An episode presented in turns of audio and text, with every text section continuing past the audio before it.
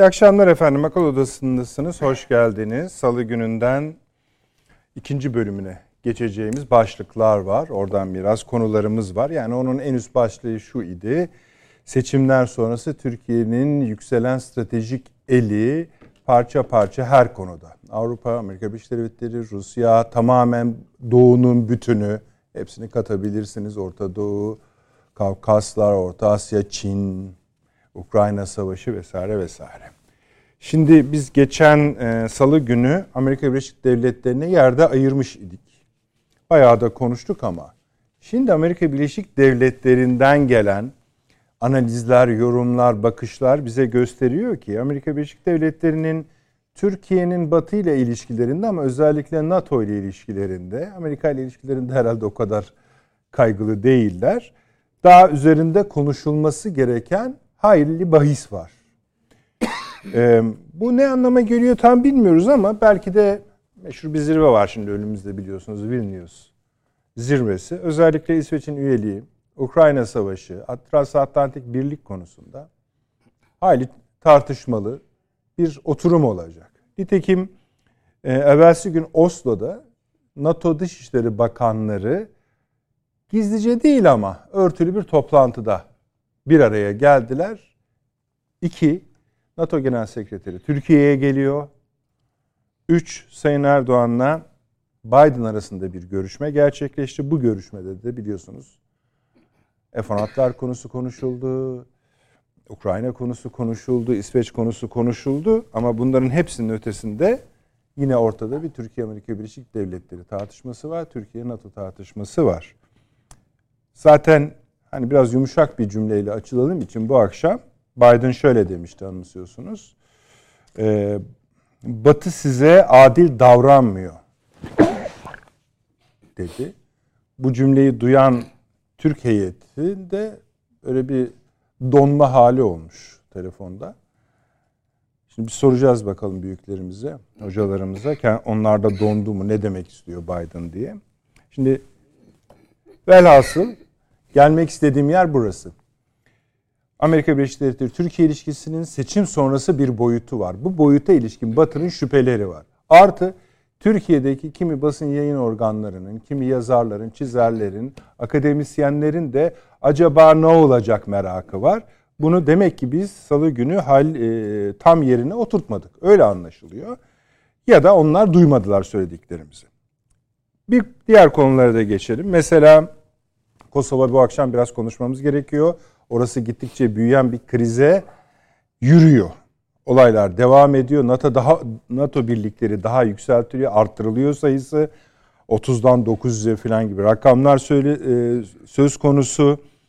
E, Salı günü üzerinden geçemeyecek kadar kısa değinmiştik. İsrail e, Cumhurbaşkanı'nın e, bak ilk kez bir İsrail Cumhurbaşkanı Bakü'deydi, Azerbaycan'daydı. Ona bir bakacağız. Belki bir bölüm açırmamız gerekecek. Seçimlerden sonra ilk defa Sayın Cumhurbaşkanı bir dış politika perspektifi ortaya koydu. Koydu derken zaten var da hani şöyle bir cümleyle koydu. Dedi ki bizim hedefimiz güvenlik ve barış kuşağı yaşatmak, e, yaratmak. Peki nerede?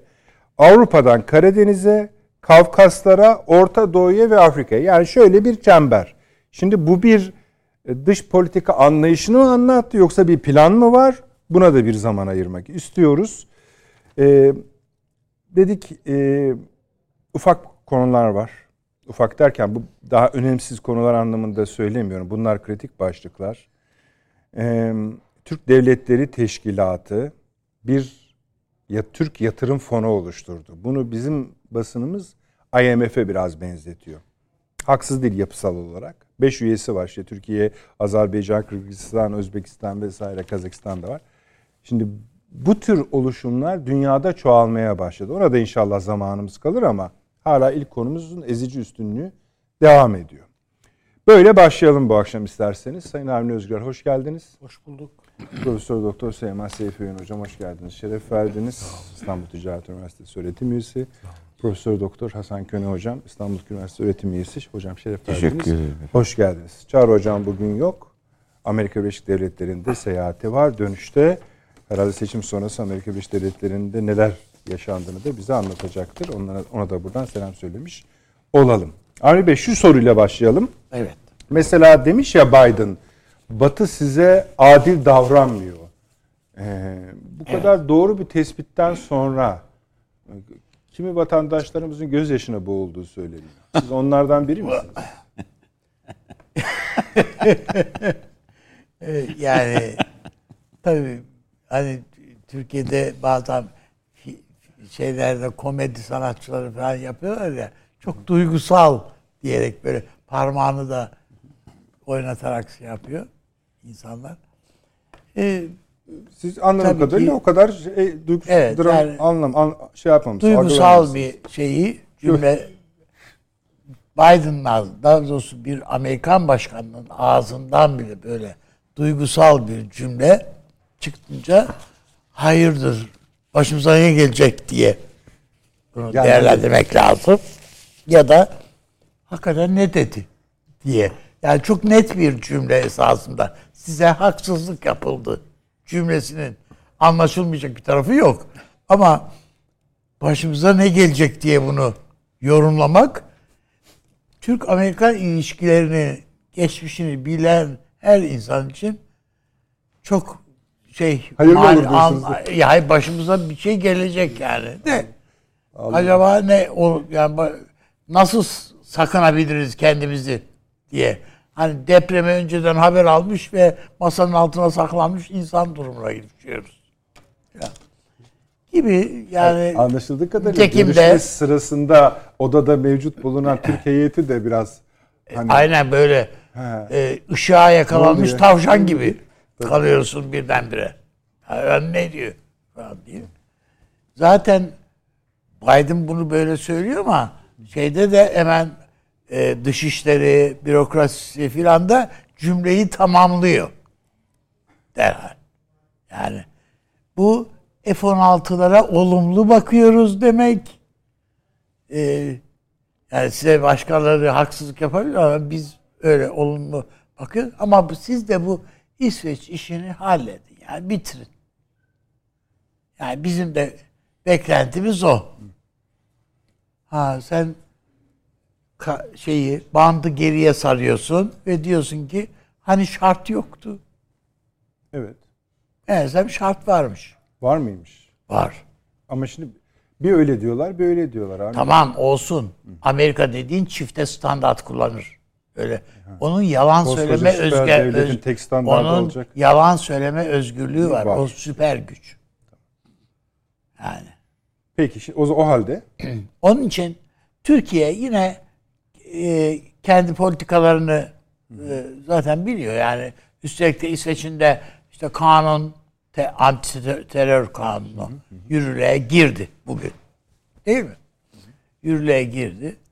Bunun tabii yürürlüğe girmiş olması fiilen nasıl uygu, yani uygulanacağının bir garantisi yok burada. fakat abi onlar tamam biz verdiğimiz sözü yerine getirdik. Bizi artık tanımanız şart. Geldik o noktaya diyorlar. Tabii daha da ötesi hatta. Ya Yani bu artık ayıp şey yapmayın yani. Ha. diyorlar. Yani bunun şeyini şey etmeyin Tamam abi. de, diyorlar. Yani onun için e, Türkiye o kuşatmayla NATO zirvesine gidiyor. Peki şu an bizim elimiz burada daha avantajlı değil mi? Çünkü arkası sağlam bir cumhurbaşkanı var. Arkası sağlam Cumhurbaşkanı daima Türkiye Cumhurbaşkanı şu dönemde arkası sağlam tabiatıyla. Ama e, yani karşındaki muhatap Ben lafı Amerika. Birleşik Devletleri ise arkan Bu sağlam falan değil. toplantıda Türkiye bunu onaylayacak mı? Soru bu. Hayır onaylamayacak. İsveç'in üyeliğini. Evet. E, tamam. onaylamayacak. Yani NATO Genel Sekreteri gelmiş, ABD Başkanı aramış. Zaten Efendim. NATO Genel Sekreteri niye geliyor? Bunun için geliyor. Tabii. Hazırlığımızı buna göre yapıyoruz. Haberiniz ola diye. Evet tabii. Anlaşıldığı kadarıyla o bahsettiğim e, Oslo'daki Evet. top, örtülü toplantıda da bu konuşulmuş Evet, evet. yani. Hani başka yani bir Ukrayna var. Ama burada bir üyeliği. cümle var. Yani sanki bu gayri resmi olarak söylenmiş bir cümle. yani Yani şey F-16 İsveç bizim şartımız değil. o Biden'ın son Bu söylediği. Biden'ın sözü. Peki bu bizi niye ilgilendirsin? Bizi ilgilendirsin diye söylemedim ben bunu. Hani, hani önemi ne? Yani önemi tabii. Yani sen bunlara bakma ama benim dediğimi yap diyor. Bence Türkiye'nin elini rahatlatmaya çalışan Ha işte bu kadar yani. e, hani Amerikan başkanı istedi biz de mecbur kaldık yaptık. Denmesin Olmasın diye kapı denmesin. Alttan alıyoruz kardeşim yani anlayın o kadar. Peki da. bu şartlar altında Evet. Türkiye NATO'daki zirvede İsveç'in üyeliğini onaylarsa birinci sorum İsveç'in gerçekten Şimdi mesele şartları sadece problem sadece İsveç'in bugüne mahsus İsveç'in onaylan üyeliğinin onaylanması değil. Önümüzde başka neler bir şeyler gelecek başka. Daha kısa Ne vadede. E canım İsrail'in üyeliği de dahil. Gözlemciliği dahil. Ne bileyim başkaca Kıbrıs'ın üyeliği dahil. Bütün bunlar gelebilir yani önümüzdeki dönemde. Onun için yani Türkiye öyle bir tane bir şeyle falan bu işi e, başından atacak, savacak o kadar kolay değil. Keza İsrail yani ben en önemlisi İsrail'in üyeliği. ben şunu yani sizin şu görüşünüzü öğrenmek istiyorum. Diyelim ki sizin dediğiniz olmadı. NATO orada İsveç'in üyeliğini onayladı. Evet. Sizin mesela bir yazı yazacak olsanız bunu olumlar mısınız yoksa eleştirir misiniz? El, elbette e, Türkiye onaylamışsa tabii söyleyecek E bir peki ama olmaz. İsveç bir şey yapmadı. Türkiye'nin bir tavrına karşı çıkacak halim yok yani. Peki. Bu nihayetinde kendi devletimiz o. Ha, Onaylamış. elbette ama İsveç bir şey yapmadıysa İşte eğer bir şey yapmazsa değil yaptı. Ne yaptı? Kanun. E bu te, işte kanun çıkarttı falan Siz de bu teslim E ettiği biz PKK'ların, biz bunu listesi ben var biz mı? bu hayır listesini verdik filan filan ama bunlara ya sen kanunu çıkarttın. Bunlara dayalı olur. Bu kanunu çıkartma neyin ifadesi? Bir e, irade beyanıdır o. E, efendim sen kanunu çıkarttın ama dur bakalım tutuklamaları veya e, terör eylemi yapanları şey yapacak mısın? Takip edecek misin? Hayır bu değil yani ölçü bu değil. Peki. Ama Türkiye eğer bunu onay verdiyse mutlaka onun şeylerini de almıştır. Peki. Son sorumu da soracağım size. Bir e, şeyden bahsettik ya Avni abi. Geçen hafta bu Avrupa Siyasi Topluluğu Zirvesi Moldova. Evet öyle. Kişinev. Toplu. Şimdi ilk önce Türkiye şöyle bir şey söyledi. Söyledi derken Sayın Kalın Evet, söyledi. evet öyle. Dedi ki bizde de hani şeyden önce buraya gitme ihtimali var Sayın Var, Cumhurbaşkanı'nın dedi.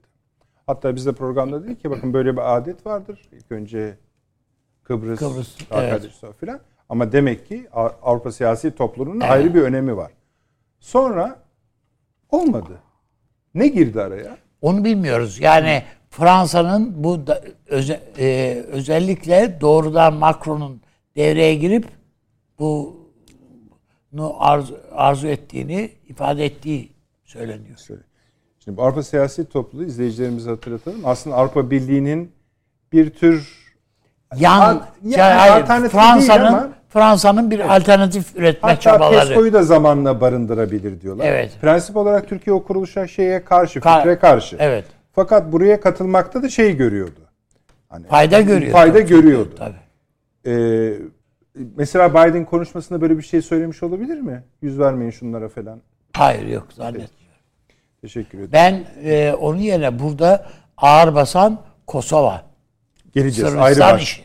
Ayrı başlık. Haritası Orada da var. oradaki problem o. bu akşam. Evet. Peki.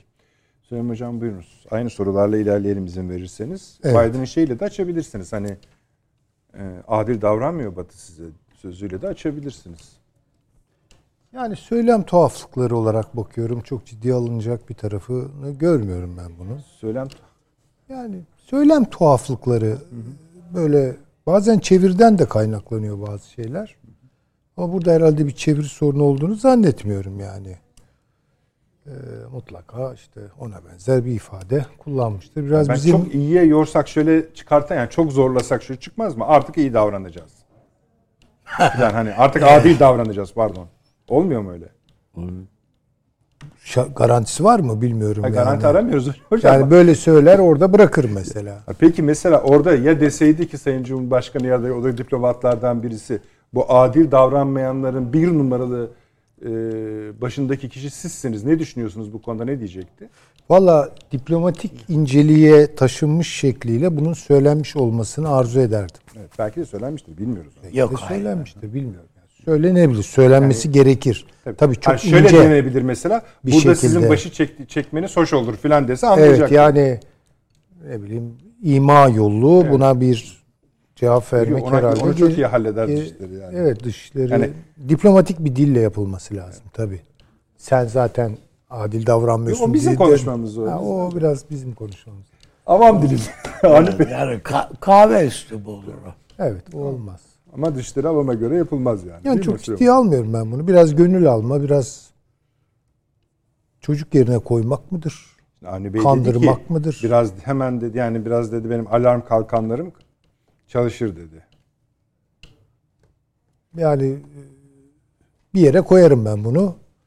Mül- Mülazat hanesini de açık bırakırım tabii. ki. Yani Gelelim NATO meselesi üzerinden. Şimdi bu hala şey kavgası devam ediyor Süleyman Hocam. Şimdi F-16, şunu İsveç. söylediğimizi hatırlıyorum. Hatta bunu seçimlerden önce de konuşmuştuk. Ee, birinci derecede bir Türkiye NATO, Türkiye Batı, Türkiye Avrupa Birliği ilişkilerinin belli bir platformda yeniden e, tartışma konusu olacağını e, söylemiştik. İşte zaten bu gelişmeler onun Değil. ipuçlarını ortaya koyuyor. Ee, ben hala ucu çok açık görüyorum. Açık söylemem Peki, gerekirse. Türkiye-NATO ilişkilerinin tartışmalı boyutu yani ilişkilerinde şunu mu tartışıyoruz? Türkiye ile NATO'nun plan yani düşünceleri arasında bazı farklılıklar var. Mesela atıyorum Ukrayna konusunda. Mesela atıyorum hani Avrupa denklemleri konusunda ya da falan yani önemli değil. Bir de acaba şöyle mi ele alınıyor? Türkiye NATO ilişkilerindeki temel problem Türkiye'nin NATO üyeliğiyle ilgilidir esasında mı? Şimdi bu boyutu tabii ki var. Yani bunu zaten biz burada defa defalarca dile getirdik, altında çizdik. Hatta ben çok ileri giderek Türkiye'nin fiilen tard edilmiş olduğunu söylüyorum. Yani evet. Resmen, şeklen Batı ittifaklarının içinde gözüküyoruz ama fiilen dışındayız. Ve dışında tutulmak için de sürekli olarak baskı yiyoruz. Bu bir kere zaten elde var bir. Ee, bunun tamir edilebilir e, veya ne söyleyeyim ihya edilebilir bir tarafı var mı diyorsanız e, süreçlere bakmak lazım. Bu sadece kağıt üzerinde tartışılacak bir şey değil. Onun için ben ısrarla Balkanlara bakalım diyorum. Onun için ısrarla Kafkasya'ya bakalım diyorum orada gelişmelerin hangi noktaya Türkiye'yi evrilteceği ve Türk-Batı ilişkilerini, Türk Türkiye NATO, Türkiye Avrupa Birliği her neyse yani bunlar tabii değişik kalemlerdir de genel manada Türkiye-Batı ilişkileri diyelim. Ee, bunlara e, şekil kazandıracağını düşünüyorum. Yani tamamen dönemsel bakıyorum dönemsel bakıyorum. Bakın bazıları şunu söylüyor. Daha açık konuşayım. Türkiye'de şimdi para yok. Ekonomik kriz de var. Erdoğan da bunu önceliyor. Batı'dan para almak için biraz da Batı'ya yaslanacak gibi bir bakış var. Evet. Tamam, Efendim bu anladım. dünya ekonomisi hakkında hiçbir şey bilmeyen insanların söyleyeceği bir şey. Çünkü dünya ekonomik krizi sadece Türkiye'yi vurmadı, bütün dünyayı sallıyor. Amerika Birleşik Devletleri başta olmak üzere. Almanya'da da bunun izlerini görüyorsunuz. İngiltere, Fransa, her yerde. Çin dahil. Şimdi e, siz dünyadan doları çekerseniz dünya çölleşir. Dünya çölleşir. Dolayısıyla bir ekonomik çölleşme yaşıyoruz zaten. Şimdi ben burada su buldum. Su nerede? Affedersiniz. Su falan yok şu an. Yani dolar yok. Çünkü çekiyorlar. Faizler niye arttırılıyor bunun için? Ama bunu sürdüremeyecekler ve bir yerde tekrar suyu salacaklar. Yani doları pompalayacaklar. Bunun en az bir 7-8 ayı olduğunu düşünüyorum ben. Belki daha bile fazla. Yani 2024'ü falan bulur bu işler. Ha o ara Türkiye'yi ekonomik bir çöküşe doğru sürüklemek hani bazıları da böyle bir para çevreleri Türkiye'yi batırmaya karar verdiler. E Türkiye batarsa zaten o zaman daha kötü. Bütün dünyada bunun izleri görülür. En başta İtalya batar. Sonra İspanya gider. Sonra Almanya daha kötü hale gelir. Yani bu kolay değil ki bu. Türkiye'yi batır. İngiltere de efendim şey değil. Elbette yani. yani bu yani bu domino etkisi gösterir yani. Onun için bence sıkıntılı bir belki 7-8 ay belki bir sene bilemiyorum. Yani ben o konuda çok projeksiyon yapmayı zaman açısından ama yani ortalama bir şey söyleyebilirim. 2024'ün ilk çeyreğine kadar falan biraz sıkıntılı günler geçireceğiz. Ama bütün dünya gibi. Yani bütün dünya gibi. Bu dönemi Türkiye bir şekilde atlatacaktır yani. Türkiye ölmeyecektir yani. Mesele o değil. Mesele başka. Mesele tamamen siyasi. Bir Karadeniz savaşına doğru gidiyoruz. Adını ben koyu vereyim bunu. Yani böyle koyayım da belki hani daha iyi anlaşılır. Bir Karadeniz savaşına gidiyoruz. Bir ucumuzda batıda Balkanlar var, öbür ucumuzda Kafkasya var. Zaten buralardan patlayacak o iş. Türkiye'yi burada yeniden batı yanında görmek isteyecektir tabii. Ama hangi şartlarda?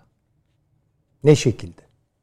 Şimdi Türkiye'nin de tabii o terk edilmişlik döneminde kendi göbeğini kendisinin kestiği İran'la, Rusya'yla ortak bir takım bölgesel işbirliklerine giriştiğini falan biliyoruz. Sadece basit olarak bir işbirliği değil, bazı işler bağlandı onun içinde. Türkiye gazını değil mi yani? Ne kadar hayati. İran'dan alıyor, Rusya'dan alıyor. Şimdi gel benim yanıma demek ne demek? Ya bunlar unut. E peki kim verecek benim gazımı kusura bakmayın?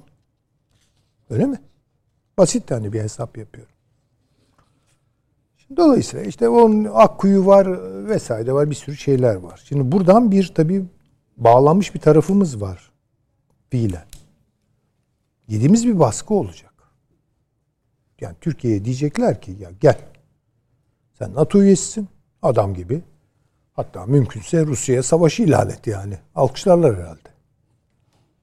Bunu isteyecekler bizden.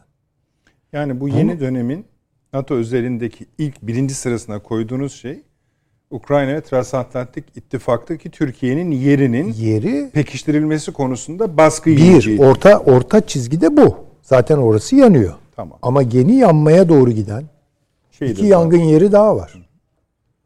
Orada zaten Rusya arkasında durursa Sırbistan ve bu bir Müslüman karşıtı savaşa giderse, iç savaşa giderse Türkiye ne yapacak orada?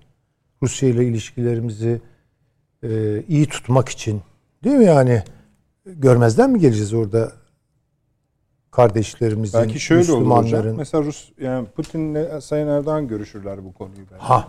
Bakın eğer bu yani olabiliyorsa gitme kardeşim. İşte bilemiyorum ben yani. Peki şeyde ne yapacağız? Öbür taraf var bile biliyorsunuz. Yani doğu tarafı var. Yani Kafkasya var. var. Gürcistan var, Azerbaycan var. Evet. e, Ermenistan meselesi var. Orada Rusya ne yapacak? Yani Rusya'nın altı şu an oyuluyor. Bunu söyleyebiliriz rahatlıkla. Bakın Türkistan bölgesi. Tokayev ne yaptı? Değil mi? Kafa tuttu yani. Ben seninle de askeri işbirliği yapmam bundan sonra. Siyasi işbirliği, ekonomi tamam dedi. Bu ne demek ya? İlk defa. Peki buna bu cüreti, tırnak içinde diyorum tabii ki. Bu cesareti diyelim. Kazandıracak olan şey ne olabilir? Çin olabilir. Çok açık. Zaten yazılıp çizdi. Yani bu, bu diyor bu Türkiye yani o bölgedeki e, daha kalın konuşmaların arkasında Çin var diye yazılar var. Çok güzel tabii. Yani bu da bizim tezimizi haklı çıkarıyor bir açıdan. Yani Daha doğrusu takibe değer kılıyor. Ben Rusya'nın geleceğinin Hindistan'da olduğunu söylüyorum. Hint-Rus ilişkileri üzerinden işleyecek. Yoksa arada tost olacak. Yoksa şeyi kaybedecek. Asya'daki gücünü kaybedecek. Ama şunu söyleyeyim. Türkistan, Türkiye, daha doğrusu Türk devletleri, Kazakistan, Kırgızistan, Özbekistan vesaire Çin'e gidiyor oralar. Çin nüfuzu artıyor burada. Afganistan'da artacak. Afganistan'ı bırakmayacak Çin. Söyleyeyim. Yani şu an İran'la işte Afganistan arasında çatışma haberleri geliyor. Bu tamamen CIA'nin operasyonudur. Bu Amerika'nın istediği bir şeydir. Amerika da orada hücrelerini bıraktı. Ve hücreler bizzat Taliban'ın içinde ve Taliban İngiltere'ye karşı, e, İran'a karşı dikleniyor. Yani savaş istiyor basmaya. Bakın o. Hindistan, Pakistan gerilimi, Pakistan'ın iç durumu, Hindistan'ın iç durumu bütün bunlar tabii çok potansiyel krizli meseleler. Ama Hazar bölgesi bizim için çok daha kritik. Birinci derecede kritik. Orada Batı etkisinin nüfuzunun artması ve Azerbaycan'la Ermenistan'ın şu anki yönetiminin anlaşıp burada bir Kafkasya barışını hayata geçirmesi demek Rusya'nın orada eskisi kadar etkin olamaması demektir. Şimdi niye Karabağ'da Rus birlikleri var? Azerbaycan'la Ermenistan arasında bir gerilim olduğu için değil mi? Sorun olduğu için. Yani Paşinyan'la Aliyev dediler ki tamam bu karşılıklı olarak toprak bütünlüğümüzü tanıyoruz. Bitti. E senin ne işin var Rus askerleri olarak şimdi Karabağ'da? Biz anlaştık demeye gidecek bir süreç bu yani. Hatta oturup çalışılsa tamam bir şekilde halledilecek. Ne yapacak Rusya buna karşı? Bir, Ermenistan'ı karıştırır. Rahatlıkla. Ya Paşinyan tahmin ediyorum bunları düşünüyordur. Rusya-Azerbaycan ilişkileri ne olur? Bilmiyoruz. E şimdi Türkiye burada ne yapacak? Yani biliyoruz ki e, Azerbaycan'a bir taş atılsa Türkiye anında orada bitecek. Kim olursa olsun karşısında. Kim olabilir? Bak bunları düşündüğümüz zaman Türkiye Rusya ilişkilerini zaafa uğratabilecek bir takım sismik hareketlilikler görüyorum ben. Ve bu Karadeniz'in iki kanadında olur. Ve Türkiye tam ortada. Şimdi NATO ikisinde de var. Siz söylediniz. Kosova'ya askeri birliklerini gönderiyor. Şimdi yani. Bunu Almanya'nın hiç istemeyeceği çok açık. Avrupa Birliği'nin hiç istemeyeceği çok açık. Ama yapmayın etmeyin derken acaba Amerika ve İngiltere acık oralarda karışsın diyor mu? Bilmiyorum ki.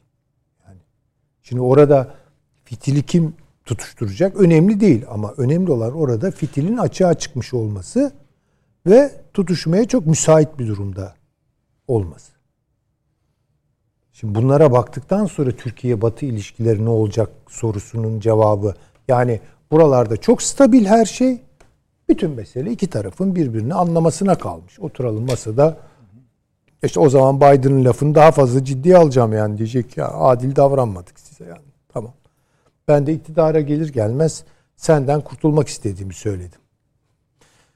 Yani günah çıkarma. Ya bir tür günah çıkarma gibi falan. Ya bak artık seninle beraber çalışacağız. Ee, Tayyip de diyebilir yani. Onlar böyle samimi hemen bir şeyler yaparlar ya diplomatik. Öyle değil iş. Bunlar kağıt üzerinde değil artık. Bunların bağlamları var. O bağlamlardaki dinamiklerin nasıl işleyeceğine bakarak ancak Türkiye-Batı ilişkileri, NATO ilişkileri, Avrupa ilişkileri, Avrupa Birliği ilişkileri ne olacak? Bunun cevabı verilebilir. Peki hocam birinci bölüm böyle yapalım isterseniz şimdilik. Bunun daha çok aç- açılması gereken boyutları da var. Zaten mecbur konuşulacak. Küçük planlar var, büyük planlar var. Plandan kasıt kurulmuş planlar değil hani. Plan. Bir tür hani ekran karesi gibi. Evet Hasan hocam sizin de açılış konuşmanızı alalım. Geniştir. Buyurunuz. Yani burada Biden'ın konuşması üzerinden gidiyoruz. Oradan açılıp işte Anlıyorum. mesela Süleyman hocamın son e, vardığı yer, vallahi son vardığı yeri de ben bulamadım. Hani bayağı bir yere gitti. Dediniz. Değil mi? Ee, Batı size iyi davranmadı ya kötü davrandı gibi bir şey var. Ee, şunu iki şey istediklerini ben düşünüyorum. Bir, Türkiye'nin tekrar NATO içinde ki yerini koruması ve tekrar Avrupa sistematiği içinde yer alması. Çünkü böyle bir denge politikası izlerken o denge politikasını pek değiştirmeyecek de yüzde 60, yüzde 40 ya yüzde 60 batıya yüzde 40'tan yüzde 60'ını batıya sen bir NATO ülkesi olduğunu sana kötü davrandık sen bunu hatırla gibi. Çünkü mesajın içine anlamak için şeye baktım. Bugün yapılan e, Finlandiya'da Arktik Bölge NATO operasyonu var. Katılan ülkeler İngiltere, Amerika, Norveç, Finlandiya, İsveç. İsveç NATO operasyonlarında Arktik bölgede. Şimdi bu açık bir mesaj. Ee, NATO ülkesi olmayan İsveç, e, Arktik'teki en büyük şimdiye kadar yapılmış NATO operasyonunda. O halde Daha büyüğü de gelecek şimdi işte. Geçen Evet, şeyi bahsettik. bekliyor. İşte o görüşmeler Biden'ın görüşmesi. Yani oturumlara falan katılıyor zaten. Hani şey için hani tabii ki kesin üye değil, tam üye değil. Herhangi bir yetkisi şusu busu yok ama hepsini takip ediyor işte. NATO liderleri de. Şeyde operasyonda bize Tabii, askeri tabii, operasyonda. Bu boşunda. O yüzden biz bunu alacağız. Sen de NATO ülkesi olduğunu hatırla. Bu yanlış davranma olabildi. Yeniden başlayalım mesajı olduğunu tahmin ediyorum. Macron'un da konuşması var. İlk başlarda şey demiş. Herkes hatırlıyor. Ee, beyin ölümü gerçekleşmiştir. Fakat sonradan da söylediği bir laf var. Amerika şey yaptı. Amerika dürttü. tabii. Oraya Aslında girelim. ölmüştü NATO. Şey elektrik Şu elektroşok verdi. diriltti. Döndü. Evet. Bir cümle daha söylüyor. Ama diyor Avrupa da kendi güvenlik gücünü oluşturmalı. Amerika demiyor. Rusya elektroşok verdi diyor. Evet. Yani Evet. Evet. NATO'nun yanında Avrupa'da burada gene Türkiye var. Gene Türkiye var. Demek ki hem NATO hem de Avrupa güvenliği içinde Türkiye'ye e, ihtiyaç var. Bu gelişmelere bakıyorsunuz. NATO'nun e, bu gelişmelerdeki durumu diyor ki Arktik bölge burada güvenliği sağlıyoruz. İşte Baltık bölgesindeki güvenliği ilk defa sağlanıyor. Kuzeydoğu bölgesinde Avrupa'nın güvenlik sağlanıyor. Bir de Rusya açısından olaya bakmaya çalışırsak şöyle bir durum görüyoruz. Rusya buraya mecburen ki Finlandiya ile Rusya arasında herhangi bir doğal sınır yok. Dümdüz bir orman varmış o kadar. Bir takım çitler çiziyorlar ama tankların Çit adı üstünde. saniyede geçer. Ha, ilk defa kendi St. Petersburg ve Moskova'ya 100 ve 50'şer kilometrelik mesafeye yaklaşan bir NATO var.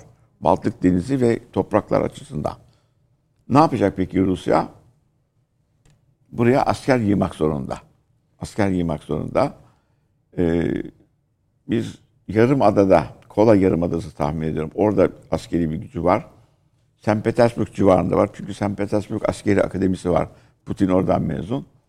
Ve Belarus, Beyaz Rusya'yı ve Königsberg denen o balta açılan alanda askeri güç oluşturuyor. Bunu nereden yapıyor? Aşağıdan yukarı çekiyor. Yani bazı güçlerini oraya kaydediyor. Çünkü Ukrayna'daki güçlerini tutuyor. İşte o zaman Süleyman Hoca'nın söylediği olaya geliyor. Ne yapıyor? Kafkaslardaki gücünü azaltıyor. Azalttığı için de Ermenistan'la Azerbaycan'ı bir an evvel barıştırıp orada bir denge sağlamak istiyor. Çünkü İsrail orada. Azerbaycan'la görüşüyor. Ee, oradan yukarı doğru çıkarsanız işte e, Çuvaşlar peşinden diğer Türk boyları Moskova'ya kadar giden yol üzerinde Müslüman Türk toprakları var. Ve bunlar da ayrılmak istiyor. Tatarlar mesela 1993'te yapılmış, geçen seferkinde söylemiştim. E, birleştiren, federal yapıya bağlayan anayasaları imzalamamışlar. Şimdi buradaki durumu kaydırınca alttaki durum ortadan çıkıyor. Peki Rusya'nın kendi hamlesi ne olabilir diye düşündük burada. İşte o biraz sonra herhalde tartışacağımız Sırbistan olaylarında Rusya sisteme giriyor ki o da NATO'da oraya asker kaydırmak durumunda. Yani bir satranç taşı böyle o Avrupa'da oynanıyor. Doğru. Burada Kuzey Avrupa'nın desteklenmesi, Arktik yolunun kesilmesi, peşinden Sırbistan'da olay NATO oraya asker kaydırması.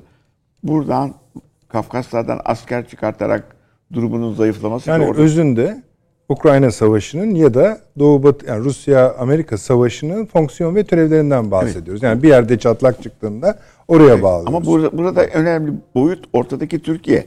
Heh. Yani 1996'da olduğu gibi Kafkaslar'da çatışmalar, Çeçenler, Meçenler falan Balkanlarda çatışmalar, Orta Doğu zaten İsrail olduğu müddetçe heyecanlı. ve ortada bir istikrar adası olarak Türkiye vardı. Ve bu da NATO ülkesi. O halde bunu tekrar geri kazanmak lazım. Ama nasıl geri kazanılacak? Efendim bu hiç ilgisi yok F-16'nın İsveç'le var. Çünkü İsveç, bu da Amerika'nın iç politikası açısından söylüyorum. İsveç ve Finlandiya'nın Avrupa Birliği'ne girişi Trump'a karşı Biden'ın Avrupa'yı yakınıma aldım ve diğer devlet başkanları gibi NATO'yu büyüttüm. Halbuki Trump NATO'yu dağıtmıştı. Karşı kozu. Bu çok önemli bir koz. Şeyi izledim. Ee, seçimde seçimde devlet başkanlarının rolü mü çok önemli? Yoksa Amerikan ulusal güvenliği mi daha çok önemli? 4-5 olayda Amerikan devlet başkanlarını seçim güvenliğinin öne alarak uluslararası güvenliği geri attığını gördüm. Mesela Reagan Carter çekişmelerinde İran'a haber gönderiyor. Diyor ki e, Carter'ın operasyonları kötü gitti. Sakın diyor esirleri bırakmayın Amerikan esirlerini. Biz gelince an anlaşacağız. Evet, evet. para vereceğim. Bu da yeni yeni çıktı. Ve bu tutuyor. Evet. Clinton zamanında söz veriyor Rus devlet başkanına NATO genişlemeyecek. Asla bilmem ne. Sonra niye genişliyor diye soruyor devlet başkanı gelsin. Diyor ki seçimler geliyor. Cumhuriyetçilere karşı bir şeyler yapmam lazımdı. Ha, demek ki iç politikadaki devlet başkanlarının, Amerikan devlet başkanlarının çıkarı Amerikan ulusal güvenliğinin çok üstünde. Bunu görmüş olduk. Böyle şey. Belki de dünyada siyaset böyledir. E şimdi burada da İsveç'in ve Finlandiya'nın Avrupa Birliği'ne girip Kuzey Avrupa'nın Amerika'nın içinde yer alması işte 2026'da F-35'leri Finlandiya'ya vereceğiz, oradan İsveç'e de vereceğiz filan demesi hı hı. ve bunun mutlaka önemli olması buradaki seçimi için de çok önemli. Sadece NATO için değil. Amerika Devlet Başkanı Biden'ın seçimi için de çok önemli. E burada da en önemli karar verecek olan kim? Türkiye. Yani Türkiye'nin yani bunu... Türkiye Biden'ın seçim kampanyasında kötü bir poz kötü bir görüntü vermesini sağlayabilir ya da engelleyebilir. Evet. Bu kadar çok önemli bir durumu var. Bu açıdan bu çok kritik bir şey. Önem veriyor. Çünkü sistemi o. Evet. Trump'ın da geldiğini görüyorsunuz. Beyni dağıtmıştır Avrupa'nın. Beynini topladı. Daha da geliştirdi. NATO güçlerini arttırıyor. Devamlı operasyonlar operasyonlar daha büyük boyutlar ortaya çıkaracak. Demek ki e, iç politika dış politikayı etkiliyor. Dış politika da iç politikayı etkiliyor. Böyle bir ders kitabı gibi bu. Bir de Türkiye'nin İsveç'e baskısı aslında İsveç'e baskı değil. Çünkü İsveç gibi ülkelerde daha çok bulunan yani İsveç gibi ülkelerin bulunduğu yerde daha çok bulunan PKK'lılar var. Nerede var? Almanya'da var, İngiltere'de var, Fransa'da var. Yunanistan destekliyordu. Bu Amerika'ya senin izlediğin YPG PKK politikasından Suriye'de, Irak'ta rahatsızım mesajının İsveç üzerinden Amerika'ya verilmiş bir notasıdır. İsveç istediği kadar içini düzeltsin. Bu Amerika'ya sen kendine gel bu işi sen götürüyorsun. Çünkü İsveç'in boyu eline. Bütün bu olayı götürecek, binlerce insanı geliştirecek, askeri silah verecek, top yapacak, para karşılayacak filan. 5-10 milyonluk bir ülke burası. Ha, bunu Amerika'ya verilen mesajdır bu. O yüzden direniyor Türkiye. Macar da Doğu Kuzey Avrupa'nın tehdide düşmesinden korkuyor. Rusya'nın dostu. Finlandiya'ya saldırmayacağını biliyor. İsveç'e saldırmayacağını biliyorlar. Ha, öyle söylüyorlar ama Norveç'e saldırmayacağını biliyorlar Rusya'nın. İşte o Donbas'tan ileri gidecek hali yok.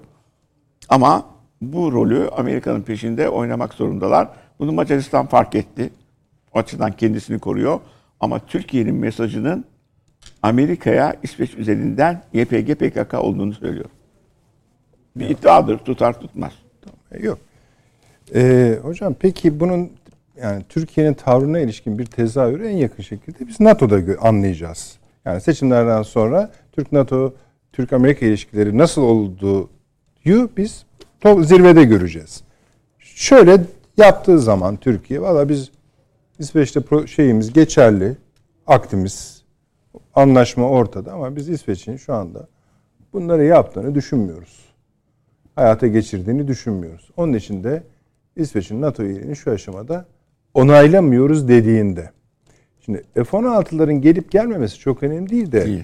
ne mesaj vermiş oluyorsunuz sizin anlattıklarınızda? Türkiye böyle diyecek mi sence? Evet o var. O. Hala diyecek mi başka? Yani Derse biz İsveç'in bu sözlerini kanunu çıkartmış olsun bile yerine getirdiğine inanmıyoruz. Veya düşünmüyoruz. Ortada bir şey bunu görmüyoruz. düşünmüyoruz. İnandırıcı bulmuyoruz. Her neyse. Diyecek mi? Şimdi o başka bir şey. Eğer durum buysa demesi gerekiyor. Değil mi? Hangisidir? Yani evet anlaşma hayata geçti ama yani ke- kendi iç kanunlarını değiştirdiler ama ortada biz bir şey görmüyoruz. Hani bizim bize verilen yok, teslim edilen yok, bir şey Ya yok. dün dün çıkardık kanunu. Bugün adamları tutuklamamızı mı bekliyoruz? Zirveyi bekliyoruz. Şimdi olur olmaz o ayrı konu. Ben diyorum ki olmadı diyelim. Ne yapacaksın? Onu söyle Avni Bey. Bu buna Yani abi olmadı devlet ne karar yapacaksın diye bir şey yok. Yani Evet. dış uluslararası ilişkilerde ölçü bu değil. Hayır, burada sert erkek rolü yapabiliriz ama yani şey bizim mesuliyet bizim üzerimizde değil. Ben derim ki reddederim. Ha, Ama ondan sonra olacak olaylar benim üstüme gelmeyecek. Ona karar veren devlet başkanı üstüne gelecek. E, Adam kendi hayatını çıkarında ülkenin durumunu ele alacak. Onun bütün boyutlarını görmem lazım benim. Anladım. Ben de diyorum ki bunun siyasi bir boyutu var. Bunlar gerçekleşmediği takdirde buna Türkiye evet derse Bak, Türk gerçekleşmediği kamuoyunun takdirde dediğin de ölçü ne? Yani Ölçü ne şu, kadar süre bekleyeceksin? Türk kamuoyunun Hayır, buna Türk reaksiyonu kamuoyu diye bu bir kadar. şey yok. Bak, Nasıl yok? ö- burada yani ne kadar süre bekleyeceksin? Bu adam, bu İsveç bunu bekli na sadık mı değil mi? İdeali nedirse onu bekliyor. İdeali şudur. Sözlerini tutması. Hayır ne yani önümüzde zirve var diyor adam. Bu zirveye kadar ne ne diyorsun diyor. Ne, diyeceğim, ne kadar zaman ama? E, senin çocukların ölmeyi durdurana kadar İsveç'te. Yani bu NATO zirvesinin ne kadar olmazsa ki ondan sonraki Kıyamet koparacaklarsa Türkiye'nin yeri üzerinde bir tartışma başlayacak sorusunu ben zaten sordum. Ha. Yani bundan. Ondan Öyle mi? Sorusu var ortada işte. Onu Olabilir yönlendir. mi bilmiyorum. Yani vazgeçilebilir bir ülke olduğunu tahmin etmiyorum. E tamam. Bak hocam diyor ki mesela bunu daha çok bastıracaklar ama e, bazı coğrafya noktalarında tehlikeli alanlar var diyor. Mayınlı alanlar var diyor. Var yani hocanın söylediği şu açıdan doğru. Başka izlediğimiz dokümanlarda Rusya'nın pantürkizmin gelişmesinden rahatsız. İçinde metrekareye 3 tane Türk düşüyor. Bak, tabii şimdi bak öyle yazılar var ve bunlar bayağı e, kalıplı yayın organlarında çıkıyor. Mesela diyorlar ki hani bu Türkiye'de yükselen milliyetçilik şeyi devralır diyorlar iktidarı. Siyasi partiler üzerinden bir okuma değil mesela bu yaptıkları. Şimdi bunlar hep konuşulması gereken şeyler. Kim diyor bunu? Biz görüyorsak Siyasiler devralır diye. Siyasi iktidarı devralır demiyor. Ya. Bu güç Türkiye'nin yönetiminde etkili olur diyor. Ve Yönlen- bundan bir rahatsızlık. Yönlendirir. de. Çin'in böyle bir yorumu var. Yok bu Amerikalıların yorumu. Hayır işte tamam yani Ben söyleyeyim kaynağını. Pan-Türkizm tehlikelidir. Irk, her zaman yani bütün ırkçılıklar olduğu gibi Pan-Türkizmin de te- tehlikelidir. Bu Türkiye'nin kurduğu Türk Devletleri Teşkilatı tehlikeli bir yapıdır diyor. Abi Çin. Ru- Rusya'nın içinde de Türk var. İran'ın içinde de Türk var. Her yerde var. Ve Rusya'nın dışında da Türk var. Düşünebiliyor musun? Böyle Türk var. Arap dünyasında da Türk var. Yani Hocam imparatorluktan daha eskiden büyük. eskiden yani Sovyetler Birliği zamanında Rusya'yı yönetmek kolaydı. Rusya için. Yani Moskova açısından. Kolaydı. E, KGB'ye emir ver, bastırsınlar üstlerine. Herkes pısıyordu. Yerlere yapışıyordu. Öyle mi? Sibirya diye bir şey var. Gulag diye bir şeyler var. Bir gerçeklik var. Hiç kimse kafasını kaldıramıyordu. Türkler dahil. Türk kavimleri dahil. Doğru. Yani şimdi Rusya ortada sağda solda savaş veriyor. Türk Kazakların filan sayesinde yürüyor savaşlar. Yani Ruslar cepheye gitmek istemiyorlar, kaçıyorlar. Yani Rusya o kadar kolay bir ülke değil artık. Putin'in eli o kadar kolay değil. İşte o zaman nasıl karar verecek Ha. diye soruyor. Biz Bunla- onun bunlar- için bakın. burada mesela de, çeşitli programlarda Süleyman Hoca da söylüyor, Hasan Hocam da söylüyor. Biz onun için Türk-Rus işbirliğini ben öteden beri savunuyorum. Rusya'nın Türkiye'nin desteğine ihtiyacı var. Yoksa Rusya bu Türk devletleri teşkilatına bilmem ne hepsine hır çıkarırdı. Hayır. Bunu da ayakta tutabilecek olan Tayyip Erdoğan. Onun için işbirliğini liderler üzerinden gerçekleş de tutmak istiyor. O yüzden Türkiye'nin başındaki bu Ermenistan meselesini filan filan filan Rusya devreye giriyor. Ama Batı bu şeyde bile Avrupa e, e, efendim Siyasi e, toplum. siyasi topluluğunda bile Macron'u devreye soktu Amerika. Yani iki düğüm bir düğümden iyidir diye bu Ermenistan Azerbaycan e, toplantısı yapıldı orada bile. Geçen hafta. Onun için yani Türkiye'nin bana göre e, dikkat etmesi gereken Rusya ile kapıştırmada, kapışmadan Rusya'nın dengelerini iyi tutarak. Ben öyle görüyorum yani. Anladım. Üstelik de ben bunu bir Türk milliyetçisi olarak söylüyorum yani. Eyvallah her Yani Ya burada ya yani bu bir ülke Amerika bilmem ne oraya- demiş de şunu demiş bunu de. Bana ne derse desin yani. Biz bizim ölçümüz danışarak Rusya ile istişare ederek filan bir şeyler yapmak. Ha Rusya çok mu samimi? Hayır yok kardeşim öyle bir samimiyet veyahut da falan diye bir şey yok.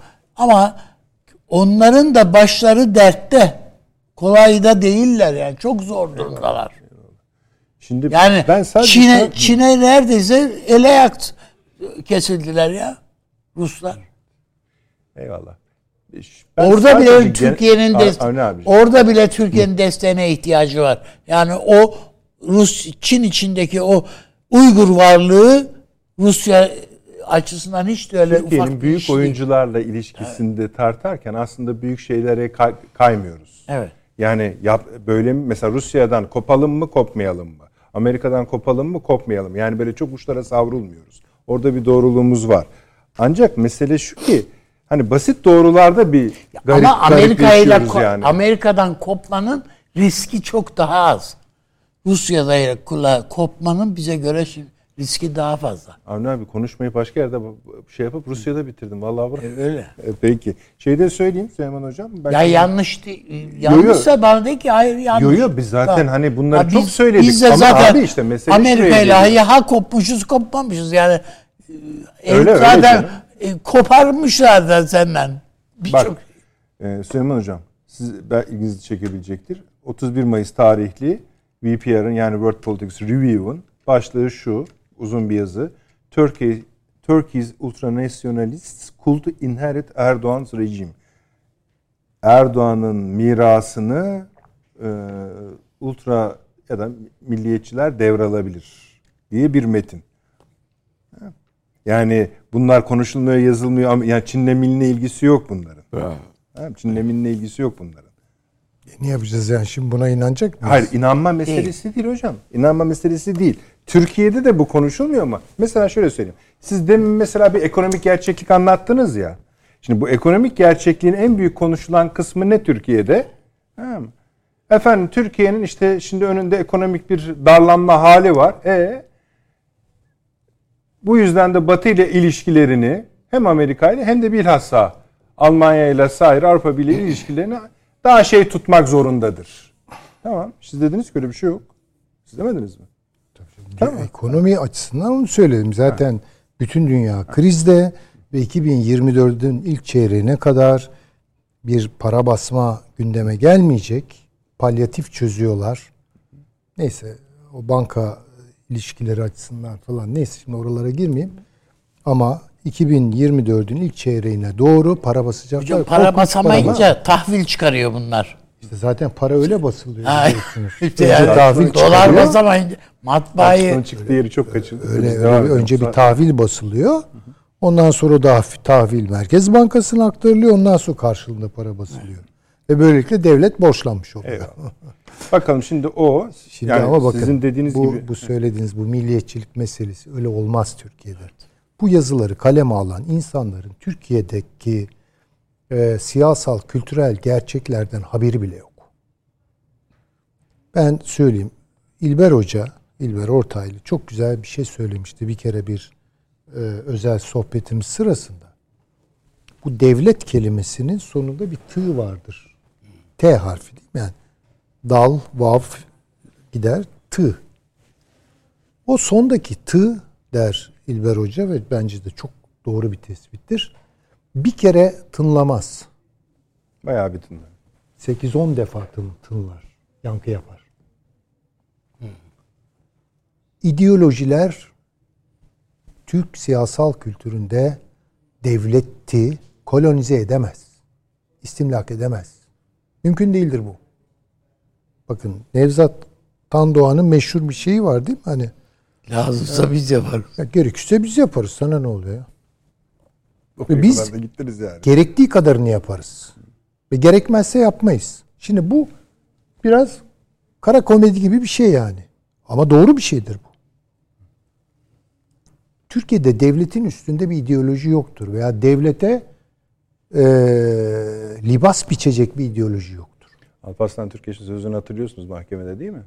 Ben yani Ben buradayım ama fikirlerim hayır hayır öyle bir şey olmaz. Devlet, devlet son derece özel Ama herkesin kendisini öyle zannetmesi. Öyle zannederler. Herkes zanneder ki yani devlete donu ben biçeceğim. Azeri Türkçesiyle konuşuyorum. Don derken elbiseyi kastettim. Ben biçerim gibi yola çıkılır da öyle bir şey olmaz. Ha, milliyetçilik önemli. Ya efendim ya şeyi hatırlasak ya ikinci umumi harp sırasında Hitler'in yenileceği anlaşılınca 3 Mayıs'ta ne oldu? Tabii hocam derhal tutukladılar. Yallah bitti. İşin bitti senden. Çünkü bizde Tabii önemli tutuklar. olan Hadi. devletin özelliğidir. Polantzas'ın son derece doğru söylemiş olduğu gibi. Devlet özerktir. Öyle devlette işte milliyetçilik hakim olacak. Sonra İslamcılık gelecek hakim olacak filan. Devlet bunlarla iş yapar. Hepsiyle yapar. Dönemsel olarak ama devlet kendi rezon detasını takip eder. Hikmet hükümetini takip eder.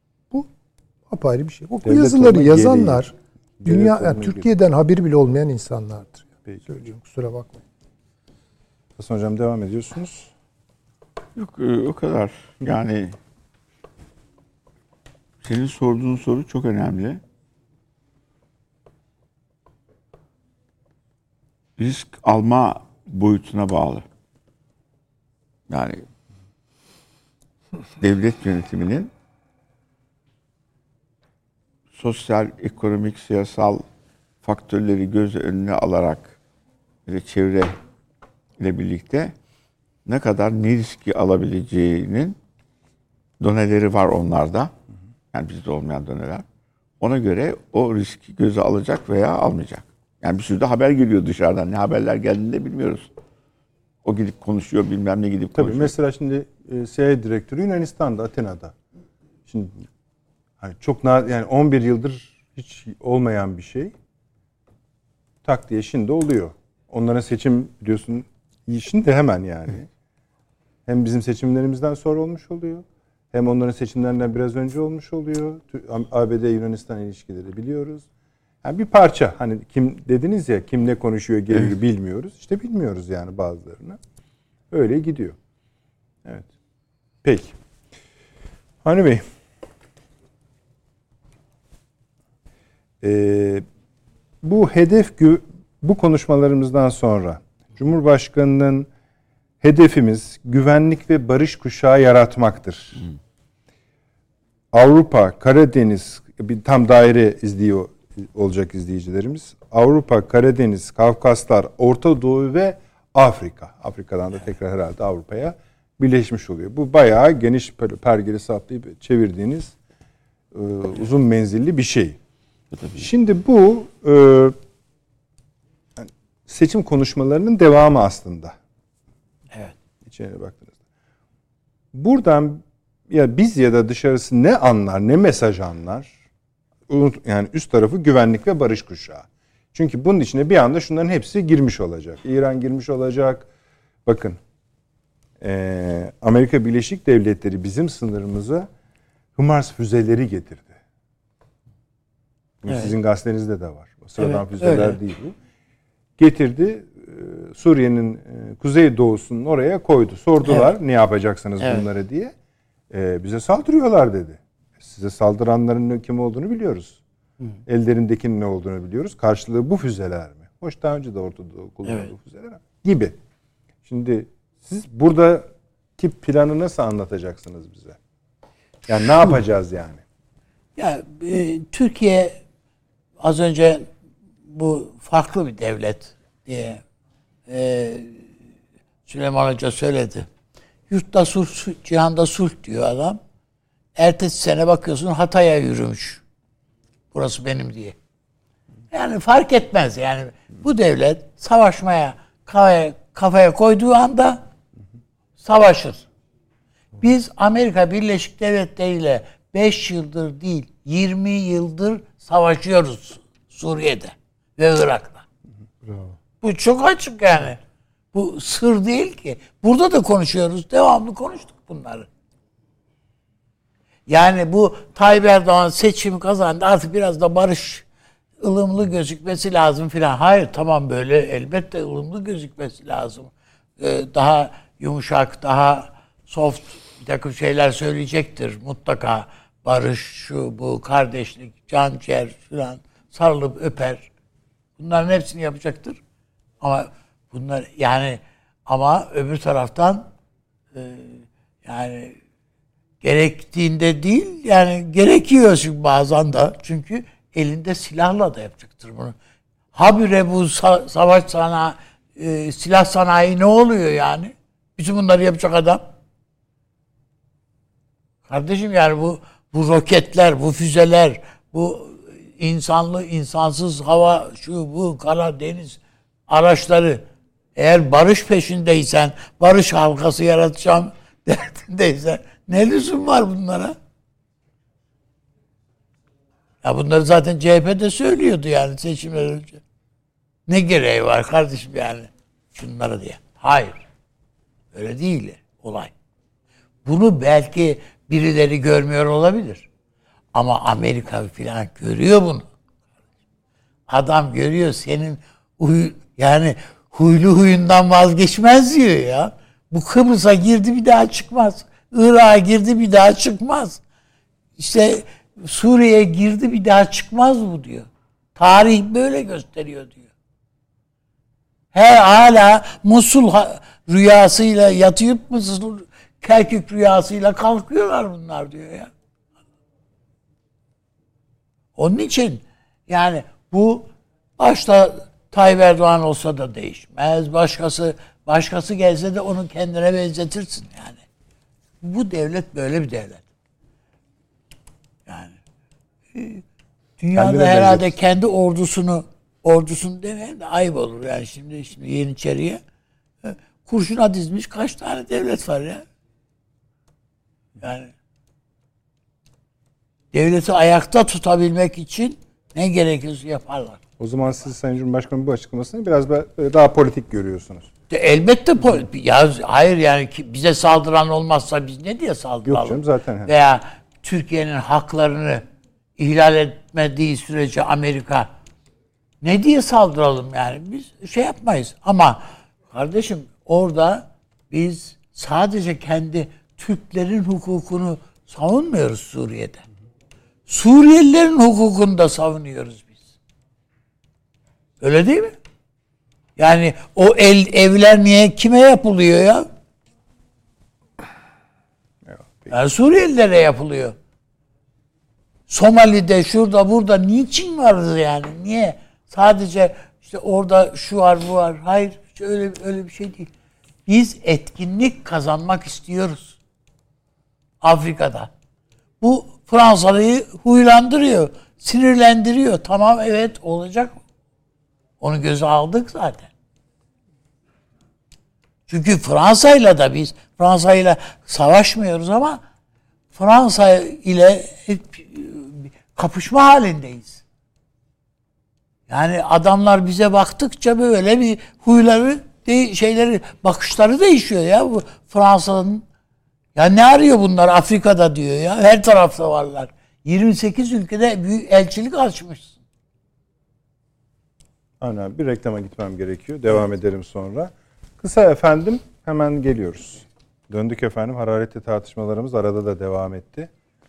Süleyman hocamıza soralım şu kuşak meselesini. Kuşak derken şeyi söylemiyorum. Evet. Tek yok kuşağını. E, tabii orada da şimdi başka tartışmalar var hocam. Belki onu da nasıl artık zamanı gelince hem bu biliyorsunuz Türkiye'den Körfez'e giden Bağdat yolu öyle söyleyelim. E, bir fırsat yolu olarak. Onun da şeyle birleşeceği artık söyleniyor. Yani oraya girmeyelim de hani izleyicilerimizin bilgisi olsun diye. Çin'in İpek yolu denen ya da tek kuşak tek yol denilen ikisi arasında Bağdat yoluyla onun buluşacağı da söyleniyor. Bu belki sizin daha önce verdiğiniz haritada da nispi olarak bir buluşma sağlıyor. Ee, ama şimdi bu da konuşuluyor ve bu da aslında bir Türk yoluna dönüşüyor gibi oluyor bu şekliyle. Neyse ayrı konudur. Hedef güvenlik ve barış kuşağı, Avrupa, Karadeniz, Kafkasya, Orta Doğu, Kuzey Afrika'dan bir çember oluşturmak. Avni Bey'in yani oluştururuz ama illa hani barış kuşağı olmasına gerek yani öyle demedi de hani barış yoluyla da olur. Ee, Türkiye'nin özel yollarıyla da olur anlamında konuştu. Yani bu e, Genel bir tarif olarak mı evet, görüyorsunuz? yani- Ben şunun için söylüyorum. Seçimden sonraki ilk büyük plan bu. e, tamam. Plan değildi bence bir niyet ortaya koyuyor. İşte plan derken hani ekran görüşü yani bu plandan Ha, öbür plan. plana geçmek anlamında. Peki yani. Yurtta sulh, cihanda sulh. Doğru. Türkiye barışçıdır. Evet. Doğru. İstikrar ister. Doğru. Yeni bir çatışma alanı doğmasın ister. Doğru. Var olan çatışma alanları huzura ve barışa kavuşsun. Doğru. Evet. Yani ne denir buna? Ama fiiliyat tabii ki bunun böyle Dünyadaki olmadığını bütün barış gücü birliklerinin içinde Türkler var. Türk ordusu var hocam. Vardır tabii vardır. Ee, fiili durumun böyle olmadığını hepimizden daha iyi herhalde Tayyip Bey biliyor. Gayet. Tabii ki. Ya bu hani niyet mektubu diye bir şey vardır yani. Bizim o niyet mektubunu açmış ve okumuş oldu. Sunmuş oldu. Güzel. Şey denmez. Ama çatışmalar istiyorum ya bakın. Bu dilim varmıyor çok söylemeye ama o noktaya getirecek bizi. Montreux'u tartıştıracaklar bize bakın. Evet. Montreux'u tartıştıracaklar.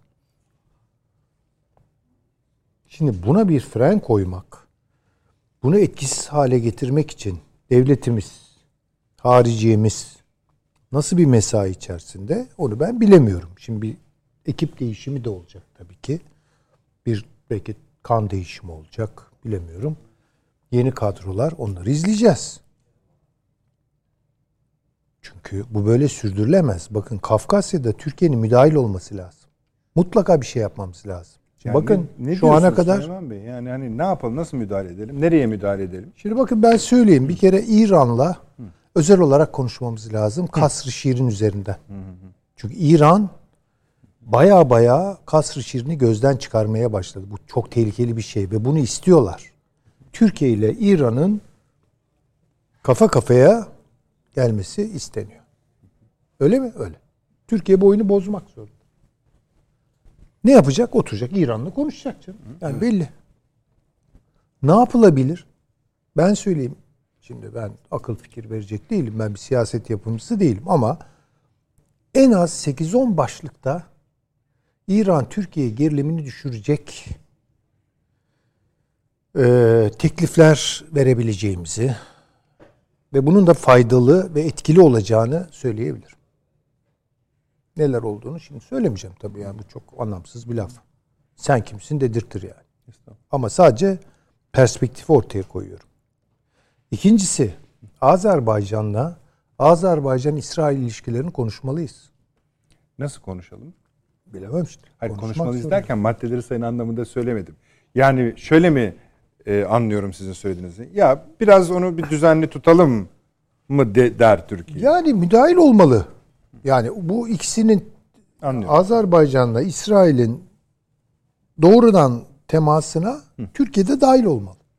Yani Zaten bu yoğunluğu seyreltecektir. Elbette diyorsunuz. tabii. Tabii anladım.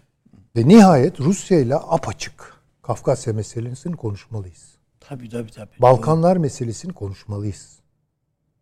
Yani şimdi sonuçta Türkiye ile Rusya, Türkiye ile İran yani Astana'dan bahsediyoruz. Bu ilişkiler koparsa bundan İran'da kaybeder, Türkiye'de kaybeder, Rusya'da kaybeder. Tabii herkes. Beraber bir çözüm bulmalıyız Kafkasya'ya. Beraber bir çözüm bulmalıyız. Balkanlara beraber bir çözüm bulmalıyız. Yani Türkiye, Rusya Balkan meselesi konusunda konuşmak zorunda. Hocam peki bu Kafkaslardaki konuşulacak temel iki sorunu söyleyeyim bize üst üste dediğinizde ne söylersiniz? Kafkasya'daki Hani dediniz ya Türkiye Rusya konuşmalıdır dediniz Tabii ya ki, tabii, Kafkasya. tabii. Birinci sorun ne? birinci sorun şu. Amerika, Azerbaycan ve e, Evet. Ermenistan e, hariciye nazırlarını aldı dört gün kapattı, kampa soktu. Tamam. E, Ruslar da yaptı. Ortaya yap- çıkan tablodaki Ruslardan fark ne? evvel yapıldı bu. Tamam. Ve Ruslar Doğru doğru evvel yapıldı. ki ve Ruslar buna çok itiraz ettiler. Biz olmadan nasıl dediler. Bak biz olmadan nasıl? Şimdi Azerbaycan ve Ermenistan Batı'nın tesiriyle Batı'nın tesiriyle bir yola girdiler. Tamam çok hoş. Girdiler İlk mi? Elbette girdiler. Açık değil mi bu? Görülmüyor mu? Ne dedi Paşinyan? Azerbaycan'ın toprak bütünlüğünü tanıyoruz. Anlıyoruz. Biz de Oh, güzel başımıza demedik. koyalım. Tamam. Yani. Ne kadar güzel yani. Tabii Tamam. ki. Karşılığında tabii şimdi sınır çizimleri olacak, haritalar oluşturulacak falan. Ne güzel yani bu buraya kadar. Ama şimdi şöyle oldu. Rusya devre dışı bırakıldı. Evet. Ve bu işlediği takdirde yani Rus- Hocam Azerbaycan'la herhalde şunu söylüyorsunuz değil mi? Rusya'ya rağmen hiçbir barış anlaşması Efendim, imzalayamayız olmaz. Bakın. biz. İsrail ta nereden kalkıp geliyor Evet. orada iş çeviriyor. Amerika nereden tak nereden kalkıp gelip iş çeviriyor. Fransa aynı şekilde.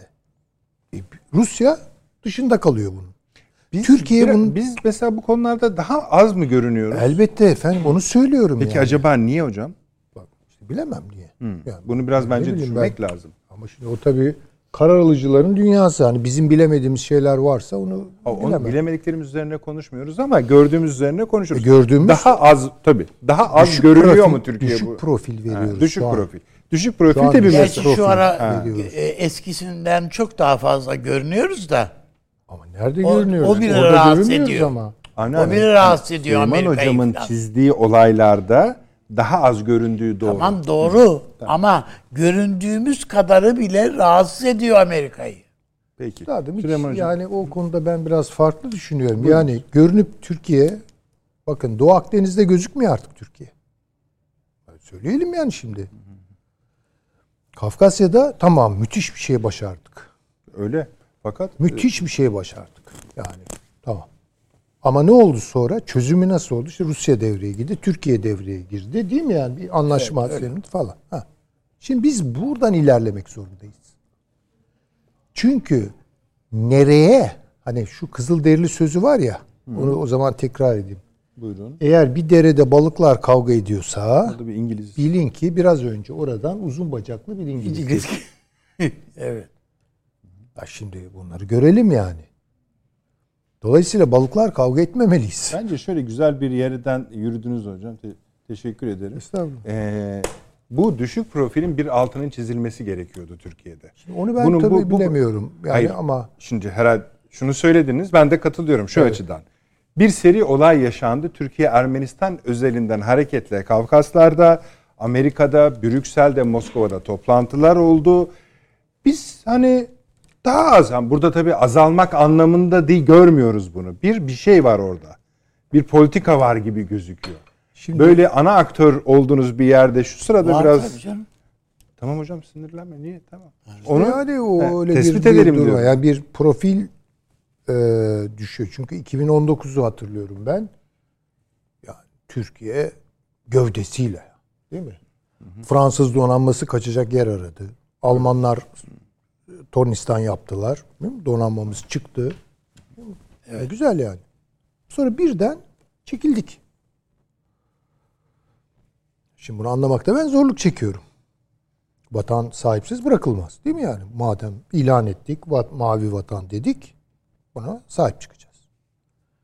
Arada çarpıcı performanslar da olduğunu teslim etmeliyim. Yani mesela birden neredeyse hükümet külliyen Libya'ya gitti. Değil mi mesela? Evet. Çok önemli bir gövde gösterisi. Ondan sonra bir sessizlik oldu bölgede zaten. Yani. Biz Ha, yani mesela böyle çıkışlar olmadı değil ama kırılmalar var. Yani ben onu tabii anlamlandırmakta kendi adıma zorluk çekiyorum ve çekmem de son derece tabii çünkü karar alma süreçlerinin içinde değilim. Yani oraya akan bilgiler, gelişmeler onları bilemem. Ama bir düşük profile doğru. Yani Türkiye bir geri çekilme durumunda sanki. Yani mesela Doğu Akdeniz'de hala münhasır ekonomik bölgeyi ilan etmedik. Çok güzel gemilerimiz var. Çok şükür. Değil mi? İftihar ediyoruz. Hani ben istiyorum ki Doğu Akdeniz'de çıksınlar. Petrol arasınlar falan. Buna müdahale etmeye kalkan Yunanistan'da boyun ölçüsünü bir alsın bakalım yani. Şimdi durun bakalım yani. Değil mi? Pek böyle bir şey yok. Kafkasya'da harika bir iş yaptık. Yani tarihe geçecek bu. Yani Ama şimdi biraz daha sakin görüyorsunuz. Türkiye. adamlar gelip cir, ya alıyor iki tarafın dış harici nazırlarını kampa sokuyor. Bir şey söyletiyor. Rusya oradan çıldırıyor. Yani bir dakika dediler ya biz olmadan nasıl? Ha diyeceksiniz ki Rusya çok mu Türkiye'nin yararına bugüne Yok, kadar? hayır, bu- Tam tersine bu e, koridorun açılmasına baştan mani olan Rusya. Ama bu konuşacaksınız Rusya ile işte. Ya bu Rusya ile konuşulacak. Evet. Peki. Ama diğer varlık şeyler, güçler bu bölgeye sirayet etmeye başladıysa hariçten gazeller okunuyorsa bir yerde Okunuyor. Muski'nin akordu kayar. Çünkü o coğrafyanın sakinleri vardır. Ermenilerdir, Türklerdir, Ruslardır, Gürcülerdir. Bunların arasında olacak o iş. Kıtalar arası geliyor adamlar. Ya şimdi akıl almaz bir şey yani. Ki yani Hazar gibi de korunaklı bir alan burası. Yani bu derelerde uzun bacaklılar dolaşmaya başladı. Hadi Kızılderililer gibi söyleyeyim. Mesela diyor ki Amerikalılar ondan bir, bir cümle bahsetmiştik. Bu diyor İran diyor Ukrayna'ya İHA'ları, silahları, mühimmatları diyor Hazar'dan gönderiyor diyor. Amerika diyor. Tabii. Mesela. Şimdi bakın İran'la oturup Türkiye'nin halledebileceği çok şey var. Halledebileceği işler var. Buna rutinlere bağladık. Yani bu iyi değil bence. Hani rutinlere bağlamak. Yani ya spektaküler bir şey olunca tavır alıyoruz. Halbuki proaktif olmamız lazım. Ben biraz daha proaktif bir dış politika bekliyorum. Ee, yeni dönemden. Yani ikinci asır madem cumhuriyetimizin değil mi bu kadar önemli bir yüzyıl ee, inşallah ee, çok daha iyi noktalara gelecek memleketimiz, milletimiz. Tamam. Bir badire atlattığımızda burada söyleyeyim seçim üzerinden. Çünkü Tabii nereden dön, nerelerden döndük. çok önemli bir yerden döndük. Ya kusura bakmasın kimse yani. Artık Kimse geçti bak- bittiği için bakmaz, söylüyorum bakmaz ben yani. bunu. Yani açık açık bu şu partiyi desteklemek bununla ilgili falan değil. Yok Türkiye'yi öyle yok hocam öyle çok değil ciddi yani. zora sokacak başka bir şeyi Türk milleti ferasetiyle Atlattı. atlattı. Şimdi tamam güzel. Yeni bir dönem. Ama böyle belirsizlik gene duralım bakalım ne olacak falan. Ya öyle olursa ama gibi değil. Türkiye artık ağırlığını koymak zorunda. Ya koyacak. Peki. Şimdi İsveç'in NATO'ya üyeliği söz konusuysa ben söyleyeyim. Bunun bedeli şu. Şu YPG'den elini çek.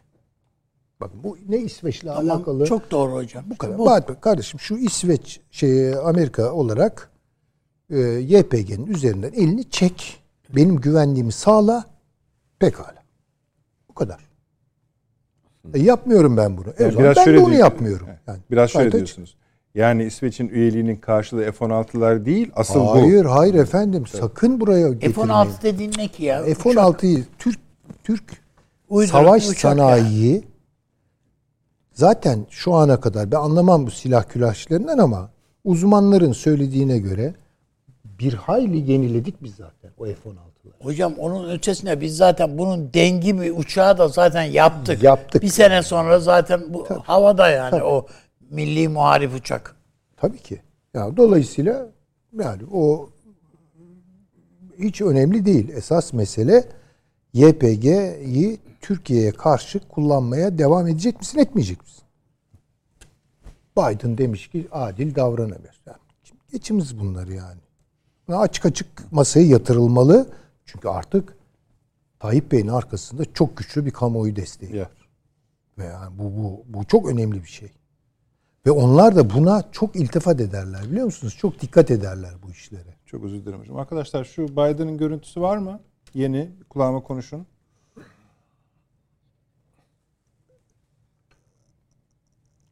Yok yok ben size şimdi bir parça atayım da onu bir hazırlayayım bakalım. Süleyman hocam kestim. Kusura. Estağfurullah. Yani biraz daha korakor. Hani futbolda kullanılan bir tabiri kullanmış olayım. Biraz daha göğüs göğüse. Bekleyerek falan değil. Yani biraz da nasıl söyleyelim duruma ağırlığını koyarak bir hariciye siyaseti takip etmenin bu dönemde çok daha önemli olduğunu düşünüyorum. Olayların nasıl gelişeceğini seyredip ona göre vaziyet almaya devam edersek biraz olayların altında kalırız. gözüküyor. Bu sadece buna ilişkin bir şey söyle- söylemek istiyor musunuz? Şöyle bir şey hocam dediği Nasıl son derece doğru. Yani ben de aynı kanaatteyim. Ama şunu da görmezden gelemeyiz. Tamam buradaki karar alıcılar dediğimiz bizim Tayyip Erdoğan. Değil mi? Ve onun oluşturduğu karar karar masası. Tamam. Yani e kardeşim deprem geçti üstümüzden. Ne bileyim darbe geçti üstümüzden. Yani ekonomik bilmem bir kuşatma geçti. Yani bu, bunların tamamı Türkiye'nin üstüne çöktü yani. E şimdi burada bize yani elimizi ayağımızı zorlayan şeyler var. Ha önümüzdeki dönemde de böyle mi olur? Hayır olmayabilir. E, bunun için gerekli tedbirleri de Türkiye'nin alacağı Cumhurbaşkanımızın konuşmasında konuşmalarından anlaşılıyor şimdi. Yani Libya'da şimdi hocam söyledi Libya'da veya Doğu Akdeniz'de biz biraz böyle geri duruyor gibiyiz. Geri duruyor gibiyiz ama biz olmadığımız için seçimde yapılamıyor orada. Yani şu anda öyle. Yani Türkiye'nin evetiyle kilitlendi orada olay. Dolayısıyla önümüzdeki şeyde Türkiye'nin inanıyoruz ki daha aktif olacaktır. Mutlaka gerekiyor zaten. Peki devam edeceğiz. Hasan Hocam siz bu konuda ne düşünüyorsunuz? Yani bu Azerbaycan Ermenistan diye başlıyor ama hmm, Kafkaslar aslında bir altı İran üstü Rusya olan bir yön var ve böyle bir tablo çizildi. Şimdi ben arkadaşların yaklaşımına genel dış politika teorileri yaklaşımıyla geleceğim. Türkiye ne yaptı? Trump zamanında Trump'ın bu bölgeden geri çekilme boyutunda Türkiye bölgesel bir güç olarak ağırlığını koydu. Ve Şeyhman Hocam söyledi, Mavi Vatan, Suriye harekatı. Adalar meselesi, harekatlar falan filan. O zaman Rusya da Amerika'ya karşı olduğu için bunları yapabildi. Fakat şöyle bir şey görünüyor. Bölgesel bir güç kendi çıkarına yarayan olayları tek başına çözemiyor. Bir, karşısında bir ittifaklar sistemi beliriyor. Şimdi Türkiye'nin karşısına birdenbire ittifaklar sistemi çıkmaya başladı. Nasıl çıkmaya başladı? İsrail, Yunanistan, Kıbrıs, Mısır. Suriye'de başka bir boyut. Rusya, Libya, Amerika'daki boyutta yani Libya'da bunlar var karşısında. İran, şu bu falan. Ha. O zaman çıkarlarını geliştirmek için belli bir zaman içinde uzun dönemli bir politikada kendi ittifak sistemlerini oluşturup ondan sonraki hamleleri geliştirmesi gerekiyor. Öbür türlü karşıda başka ittifaklar oluşuyor. Şimdi Kafkaslarda Kafkaslarda Türkiye'nin faal olduğunu görüyorum. Sınıfta metrekareye üç tane düşen Azerbaycanlı subay var bir kere. Ee, Zengezur koridorunda bütün generallerimiz gidip gezmişler. Tabii tabii oradaydı. Şimdi birdenbire biz Zengezur koridorundayız. Birisinin çizdiği harita gibi buradan yolu başlayıp oradan deniz yoluyla da Türkmenistan'a bağlayıp Türkmenistan'da tarafsızlığından vazgeçti. Türk keneşine katıldı. İşte bu da bizim başarımızdır. Lafı karşımızda ittifak sistemleri oluşturur. Bunu kamuoyunda böyle biz böyle geliyoruz. Aslanlar gibi kükrüyoruz tarzında söylemek mümkün değil uluslararası ilişkilerde. Denizaltı modeli bu. Derinden fakat ilerleme tarzıdır. Öbür taraflarda da öyle. Şimdi ne oldu? Mısır yanımıza dönüştü. Birdenbire Suudi Arabistan'a bir yakınlaşma oldu işte. Katildi, şuydu, buydu falan filan derken. Ama Suudi Arabistan ve Körfez ülkeleri ben müthiş destek gelmiş bu seçimde. Onlarla biz burada tartışmadık. Yok tartışmadık ama açıkça söylendi zaten. Hani şey yok, beis yok. Ee, mesela e, Birleşik Arap Emirlikleri dün bu Körfez'deki Birleşik e, Deniz Hava Gücü'nde Amerika'nın Evet, liderliğindeki ben çekildim dedi. hayır yok dediler. Ben çekildim dedi yani. Ay, mesela seçime anlıyorum. sevilmişler gö- gördüm Tabii. o şeyleri. Yani emirlikler, Suudi Arabistan filan birdenbire bu yapı. Ha. Şimdi o zaman çevresindeki dost alanları geliştirdiğinde o zaman kendi çıkarına olan politikaları izleyebilir. Şimdi savaşa gidiyor Türk ordusu. Eski Türk Asya şeylerini bahsediyorum. Önce karşıdaki onların müttefiklerini satın alıyor. Soruyor. Karataylar aramıza geçti mi? Bilmem neler bu tarafa geçecekti, bizim tarafa geçti mi? Geçtiler. O zaman taarruz başlasın. Öbür türlü direkt onlar da onun karşısında. Şimdi Türkiye'nin politikası bu. Yani bodoslama girdiğinde karşısında çok büyük koalisyonlar olduğunu gördü. Ya Fransa şey uçak gemisini getirdi. Amerika işte tartışıyorduk burada. 7 tane üs Bu üsler bize mi yoksa Rusya bu zaten Yunanistan'a şeye kadar gelemiyor. Boğazlardan geçip aşağı kadar gelemiyor filan. Karadeniz'de şunları sıkıştırıyor. Bulgaristan'da Romanya'yı artıyor filan gibi. Ha. Burada başka türlü bir oyun oynamak lazım. Derin dostluklarla oluşarak ve hakikaten doğrudur. Atatürk'ten de bahsettiler. O da dostluklar oluşturduktan sonra Hatay'a harekat yaptığında sesini çıkaramadılar. Niye?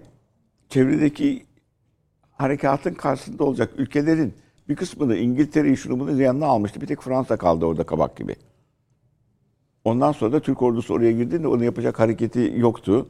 Kabul etmek zorunda kaldı. İşte orada Lübnan'da ayrıldı. Başka bir şey kurdu orada falan. O yüzden o konuda pek murade edilmemesi lazım. Dış politikanın ittifak sistemlerini kuvvetlendirmek ve ağır bir tempo içinde öbür türlü şüphe uyandırıyor. İşte pantürkizm istiyorlar. Üç, ülke tepeye doğru çıkıyor diyor. Bir, Çin yükseliyor yoğun şekilde. Hindistan yükseliyor. Ve Türkiye eskisi gibi büyük bir alan olarak yükseliyor diye.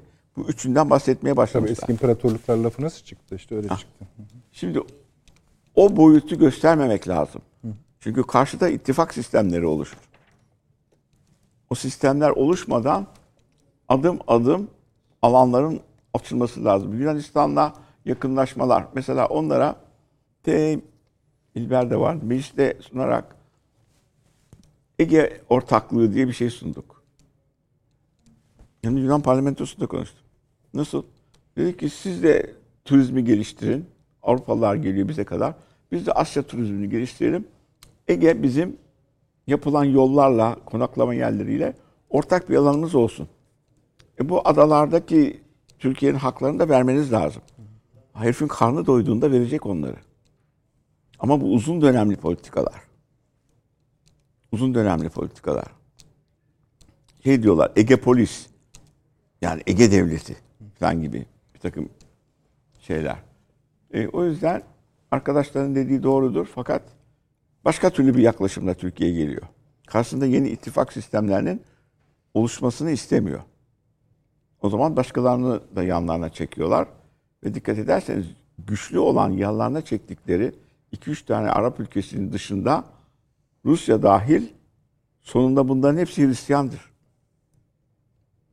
Ortodoks Yunanistan, Sırbistan, Rusya. Şu hocam Ukrayna. hazır öyle demişken e, bir tane DSF'miz olacaktı arkadaşlar. Bu yürüyüş yapıyorlar ya. Onu da verelim.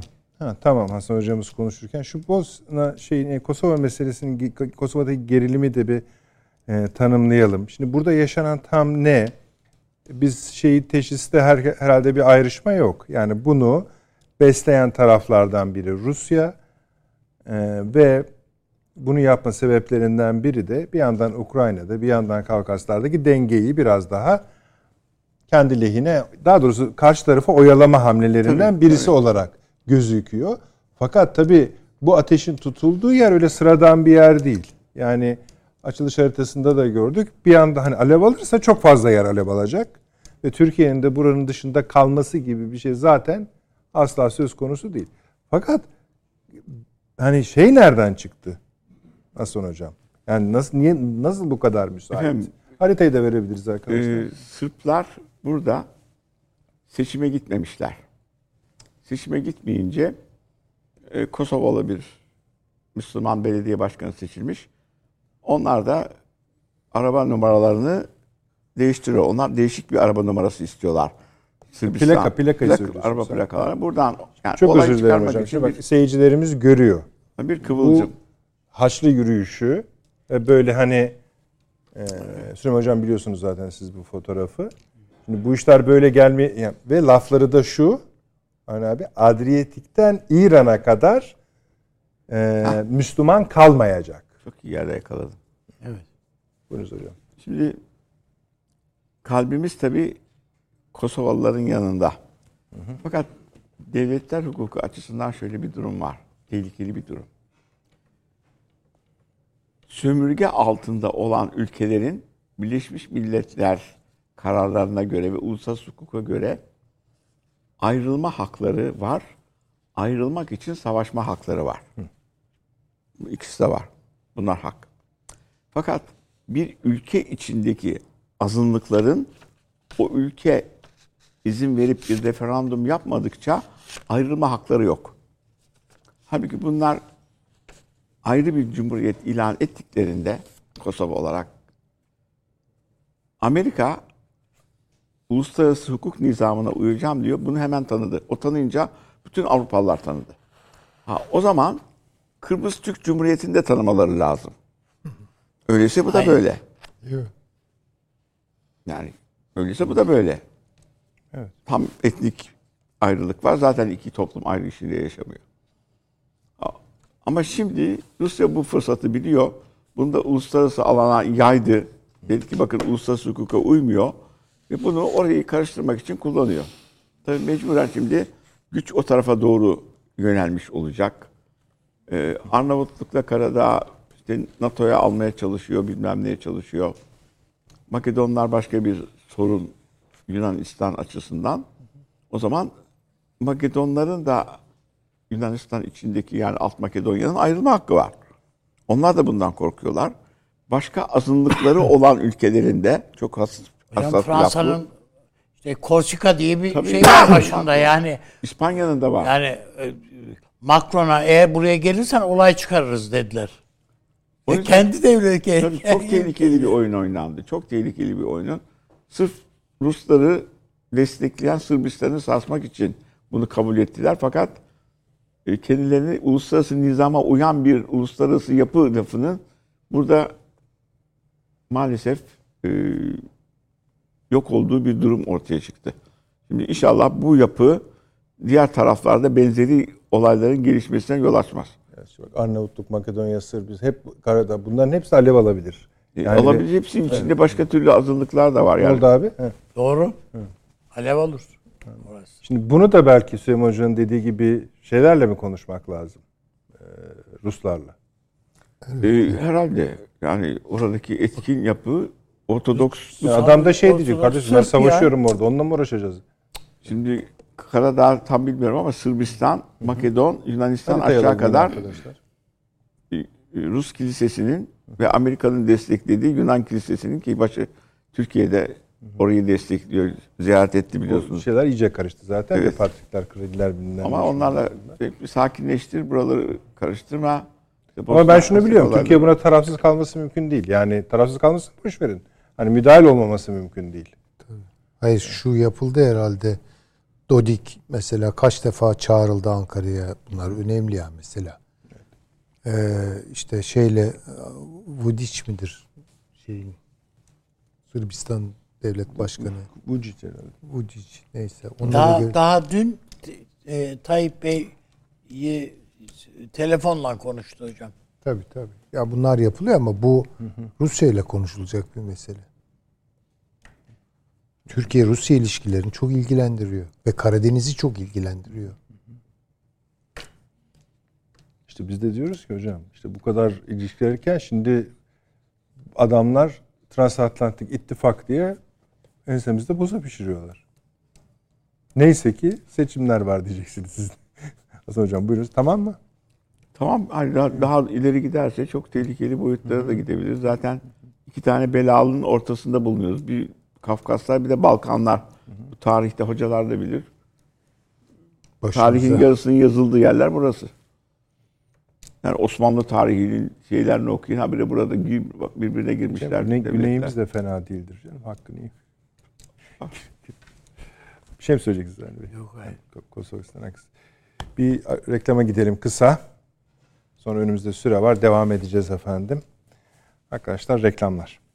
Geldik efendim. Akıl Odası devam ediyor ve Arni Bey, Ukrayna. Çok Evet. ihmal ettiğinizi düşünüyorum ben Ukrayna'yı sizin. Evet hepimiz ihmal ettik. Peki neredeyiz? E adam yine konferanslarda geziyor. İşte bu e, Avrupa e, Ha siz Zelenski, Zelenski'yi söylüyorsunuz. Zelenski zaten. Ukrayna'da kastım o şu anda. Yani bir adam hakikaten bir devlet başkanı kendi ülkesine bu kadar kastedebilir mi ya?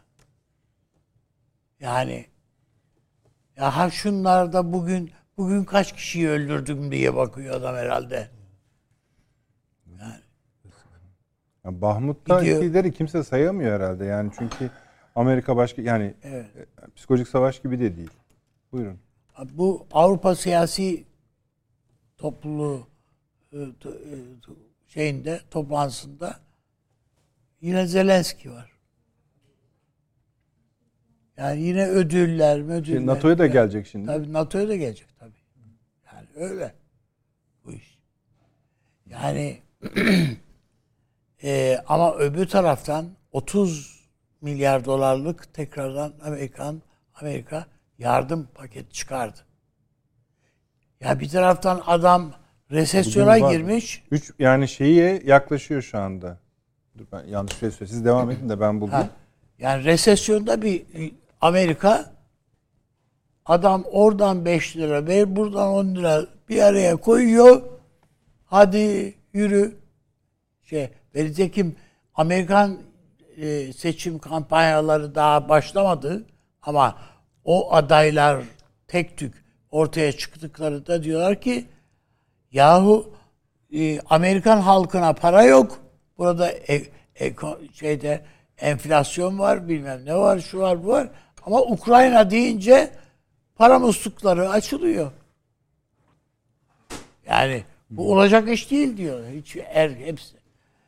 Dolayısıyla yani bu bütün bu e, oradan buradan toplanan paralarla yani e, sağlanan kaynakları adam mermi olarak yağdırıyor. Ve daha acısı işte geçen salı günkü bir şeyde programda söylemiştim yani bir şey Almanya'dan gelen bakan diyor ki "Şu- bol çok çok sayıda Rus ölüyor. Bundan memnunum. Ee, ilk defa verdiğimiz paralar hayırlı bir iyi bir işe şey gidiyor diyor ya. İnsan öldürmeye çok iyi çok iyi paraları harcadık diyor ama çok ölüyor diyor ya. Ruslar epey ölüyor yani. Doğru yola harcamışız diyor parayı. Peki şeyde ne durumda? Savaş ne durumda? Yani savaş kaybediyorlar canım ne olacak yani. Sonuç itibariyle Ukrayna yenilecek. Bu. Ama seçim yani ABD seçiminden önce yenilmeyecek. Ha yeni ha, tabii ABD seçimleri ne kadar ayakta durması gerekiyor. Ve bunun için Amerika'nın en sofistike silahları da gidiyor oraya şu anda. Yani çünkü baktılar ki öyle ufak tefek silahla bu işler olmayacak. Ve öbür taraftan baktığınızda yani e, Rusya'nın da durumu içler acısı yani. Yani evet tamam şu bu yani e, ama yani Rusya hakikaten e, eski Rusya değil yani bu. Bu Kızıl Ordu değil yani. Baktığınızda nehrin öbür tarafına geçtikleri anda bu iş bitecek. Ya geçemiyorlar kardeşim ya. Peki. Süleyman Hocam siz savaştaki durumu şu an gelinen durumu nasıl değerlendiriyorsunuz? Yani bir kere Rusya herhalde şuna karar verdi. Kazanımlarını muhafaza etmek istiyor. Tamam. Yani bu işte Donbas bölgesi. Efendim söyleyeyim Kırım. e, Belli merkezi noktalar falan. Savaşın en başındaki NATO'ya söyledikleri şartları tekrarlıyor artık daha çok. Yani ağır şartlarda onlar biliyorsunuz. Bunların hepsi tanınacak. Yani NATO sınırımıza gelmeyecek. Tabii, Sınırdakilerin hepsi silahlar geri çekilecek. Şu yani çok daha ağır bir e, bombardımanla çok daha kısa bir zamanda istediğini elde edebilirdi. Halep'te yaptığı gibi. Salı günü bir şey söylediniz hocam. Hani farz edin ki Rusya ile şeyle Türkiye ile Azerbaycan Allah muhafaza. Allah muhafaza savaşıyor Şey gibi. Hasan Yani Hoca o yüzden söylüyor. Rusların eli de varmıyor fazla. Varmıyor tabii. Hasan Hoca Yoksa söylüyor. bir silah var ya adamı yağdırır oraya ve ölür biter yani bu iş. halı bombardımanı diye bir şey var ve Rusya'nın kapasitesi buna 30 kere yeter. Baştan zaten söyledi. Bu işin ucu Dünya Savaşı'na giderse ona da varım dedi ve nükleer alarmı yükseltti biliyorsunuz. Yani hazırım dedi. Şeylerde silahlar biliyorsunuz zaten Belarus'a geldi. Tabii. Ve şimdi onun tabii doz, dozajını da arttırıyor. O da genellikle NATO'nun attığı adımlara bağlı olarak. Ama esas olarak bunu yapmak istemiyor. Yani dolayısıyla Yani de soydaş. Hasan Hoca soydaş diye bir şey var yani şimdi nasıl olur Allah aşkına yani Kendilerinden görüyorlar ha. ha yani kendi kökleri kendi kardeşleri Ama, ama Amerika'da onu güzel kullandı kabul etmek Ha. lazım. Hani tamam tamam yani kardeş yok. kavgası çıkartmak da üstlerine yoktur zaten yani Önce oraya kullanabilecekleri bir devlet başkanı seçtirdiler. Tabii, Şimdi tabii. tepe tepe. Tabii, tabii. Ve hakikaten gayri nizami olarak yaptılar. Darbe yaptılar. Öyle, tabii öncesi Basmaya var. darbe Tabii, tabii, yaptılar. tabii, tabii. Biz onu böyle özgürlük savaşı, Maydan, ayaklanması falan. Yani böyle- 2014. ha, Tabii tabii. e, film çevrilmiyor orada yani. Basmaya darbe yapılıyor. Seçilmiş bir adamı indirdiler. Proşenkolar bilmem neler ondan sonra geldi. Timoşenkolar şunlar bunlar. Şimdi yani demek istediğim şu. Ruslar belli bir noktada durmaya mütemayil, eğilimli bir durumda. Ve açık kapı bırakıyorlar görüşmeleri vesaire. Yani hala buna mukabil Biden ve etrafındaki tuhaf Amerikan eliti. Bunlar çok çok tuhaf adamlar yani. Bunlar yüklenmeye devam ediyor. Ama nereye kadar? Amerika'nın ekonomisini konuşuyoruz işte. Yani İşte baktım 30 küsür milyar do- yani 40 milyar dolara yaklaşıyor. Şeye tabii yaptığı düşünün yani. Tabii. Ukrayna. Evet Tabii. öyle. O paranın dörtte birini homeless'lara, evsizlere verseler Amerika'da homeless kalmayacak yani. Şimdi bu şeyde anlaştı anlaşmak üzereler ya tam anlaşmadılar da hani Hiç boş temerrütte. tava, tavanı Şimdi var. oradaki kısıtlamaları bir görmek lazım Hasan hocam. Çünkü şeyi kesin diyordu Cumhuriyetçiler. Ukrayna'ya parayı. Ukrayna meselesi. Evet. Ve anlaşılıyor ki yani büyük bir ihtimalle de Cumhuriyetçiler gelecek. Büyük bir ihtimalle de Biden, şey e, Trump'ın Sevgili dostunuz. Trump'ın dönüşü olacak. Ondan sonra tabii çok başka şeyler. Yani herkes onu bekliyor aslında. Avrupa'da şimdi. Yani biz atlattık. Şimdi biraz onlar beklesin diyorsunuz. Tabii tabii. Yani sonra İngiltere'deki ekoller de yani geçen bir arkadaşımızla sohbet ettim falan. Boris Johnson'la buluşuyor Trump. Yani bu çok önemli bir şey tabii yani. Ya Tayyip Erdoğan'ı tebrik etti arayıp. Aradı tebrik etti. dolayı. Yani şimdi Tayyip Bey'in kendisi için aslında ne kadar önemli olduğunu yeni idrak Yeni ediyor. idrak ediyor. Yeni idrak ediyor. Dolayısıyla şimdi biraz herkes Amerikan seçimlerinin sonucunu bekler bir vaziyette. Kimse bir şeye finalist bakmıyor şu ara. Şu ara finalist bakmıyor. Onlar yani düşün daha ne kadar var? Bayağı da yani bir yıl var minimum. E tam bir yıl içerisinde Eylül'de işte, İşte Eylül'de. İşte daha da fazla. herkes Ona rağmen vaziyetlerini ayarlamaya Peki hocam, çalışıyor. Ee, Ya her gün ellerinde silahla dolaşan çocuklar var Amerika'da. Ve her gün her gün bir, bir şey okul basılıyor ya. Doğru bak onda çok haklısınız. Çocuk 10 18 kişinin bir anda öldüğü öldüğü falan sa- ba- okul saldırıları. Nasıl bir şey yani? Evet. Bu sosyal vaka. Şeyi soracak. Bir şey mi söylüyordun? Yok hayır. Sahadaki durumda şimdi şöyle bir şey vardı. Üç tane şey konuşuluyordu. Bir, Bahmut ne olacak? Olan Çok kritik. tamam. tabii. Orası Rusların eline geçti. Öyle böyle. Hani uzun sürdü, kanlı oldu. Ne olduysa oldu geçti.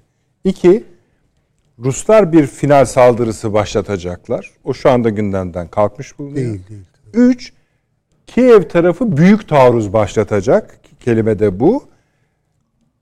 Hiç olmaz o. Peki ne? Sağ böyle kaldı. Yani Şu Rusya bombardımana devam ediyor. Yani Kiev'i bombalıyor. Büyük şehirleri bombalıyor. Yani ben varım bunu hissettiriyor. Yani durmuş değil savaş bu manada. Ama çok büyük bir hani finalist bir e, saldırı yok şu an. Yani Onlar da bence gö- yani şeyin gözü de yemiyor. yani Ukrayna bunu yapabilir mi? Tereddütlerim var. Yani saldırtır ama Amerika. Hani Saldırtır yani, da sonrası ne olur? işte yani ne olacak o- şimdiye kadar? Hani onların da kımıldayamadığı anlaşılıyor. Tabii ki ve çok ağır Onlar da hocam şeyi bekliyor olabilirler mi? Bu Vi- Vilnius'u. Çünkü bizden ben de şundan korkuyorum. Yani bu Ukrayna konusunda daha ceberrut taleplerde bulunabilir mi İngilizler, Amerikalılar? NATO'ya alma gibi mi? Hayır, na, yo, yo. Ha, O zaten hani Ona kimse oy vermez. hani onu kımıldayabilir mi bilmiyorum. hani eee Ne yapacaklar yani? yani ha- ha- hali hazırdaki müttefiklerden savaş konusunda daha net taraf tutmalarını isteyemek. Bu Türkiye'ye dönük olarak gelecek zaten. E, tamam. Ya onu, onu kabul ediyorum ben. Yani onu hatta elde bir görüyorum. Ya, tercihini yap. Değil mi? Madem demokratik bir seçimle seçildiğini söylüyorsun, Demokratlar Kulübü'ne gel. Tamam mı? Çünkü onların Bayılırlar, bayılırlar. onu söylemeye çalışmıyor. Yani kimin gerçekten demokrat olduğundan daha önemli olan kimin kimin demokratı olduğu. Ben kime demokrat de- diyorum Tam diyor odur adam. yani. Sana demokrat diyebilmem için senin bunu yapman lazım. Yoksa ağzında kuş tut. Ee, böyle bir baskı yiyecek Türkiye tabii ki yani.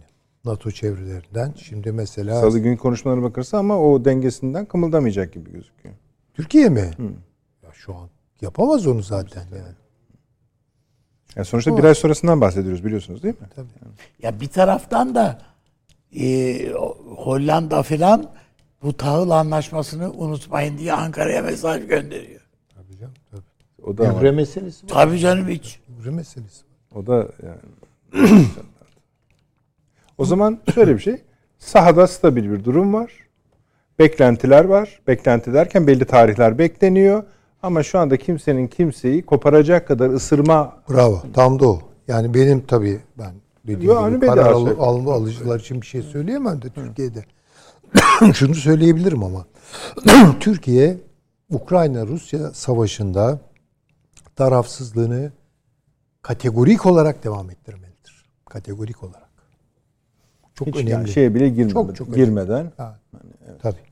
Ama dediğim gibi diğer iki kanat Kafkasya ve Balkanların çalışılması gerekiyor.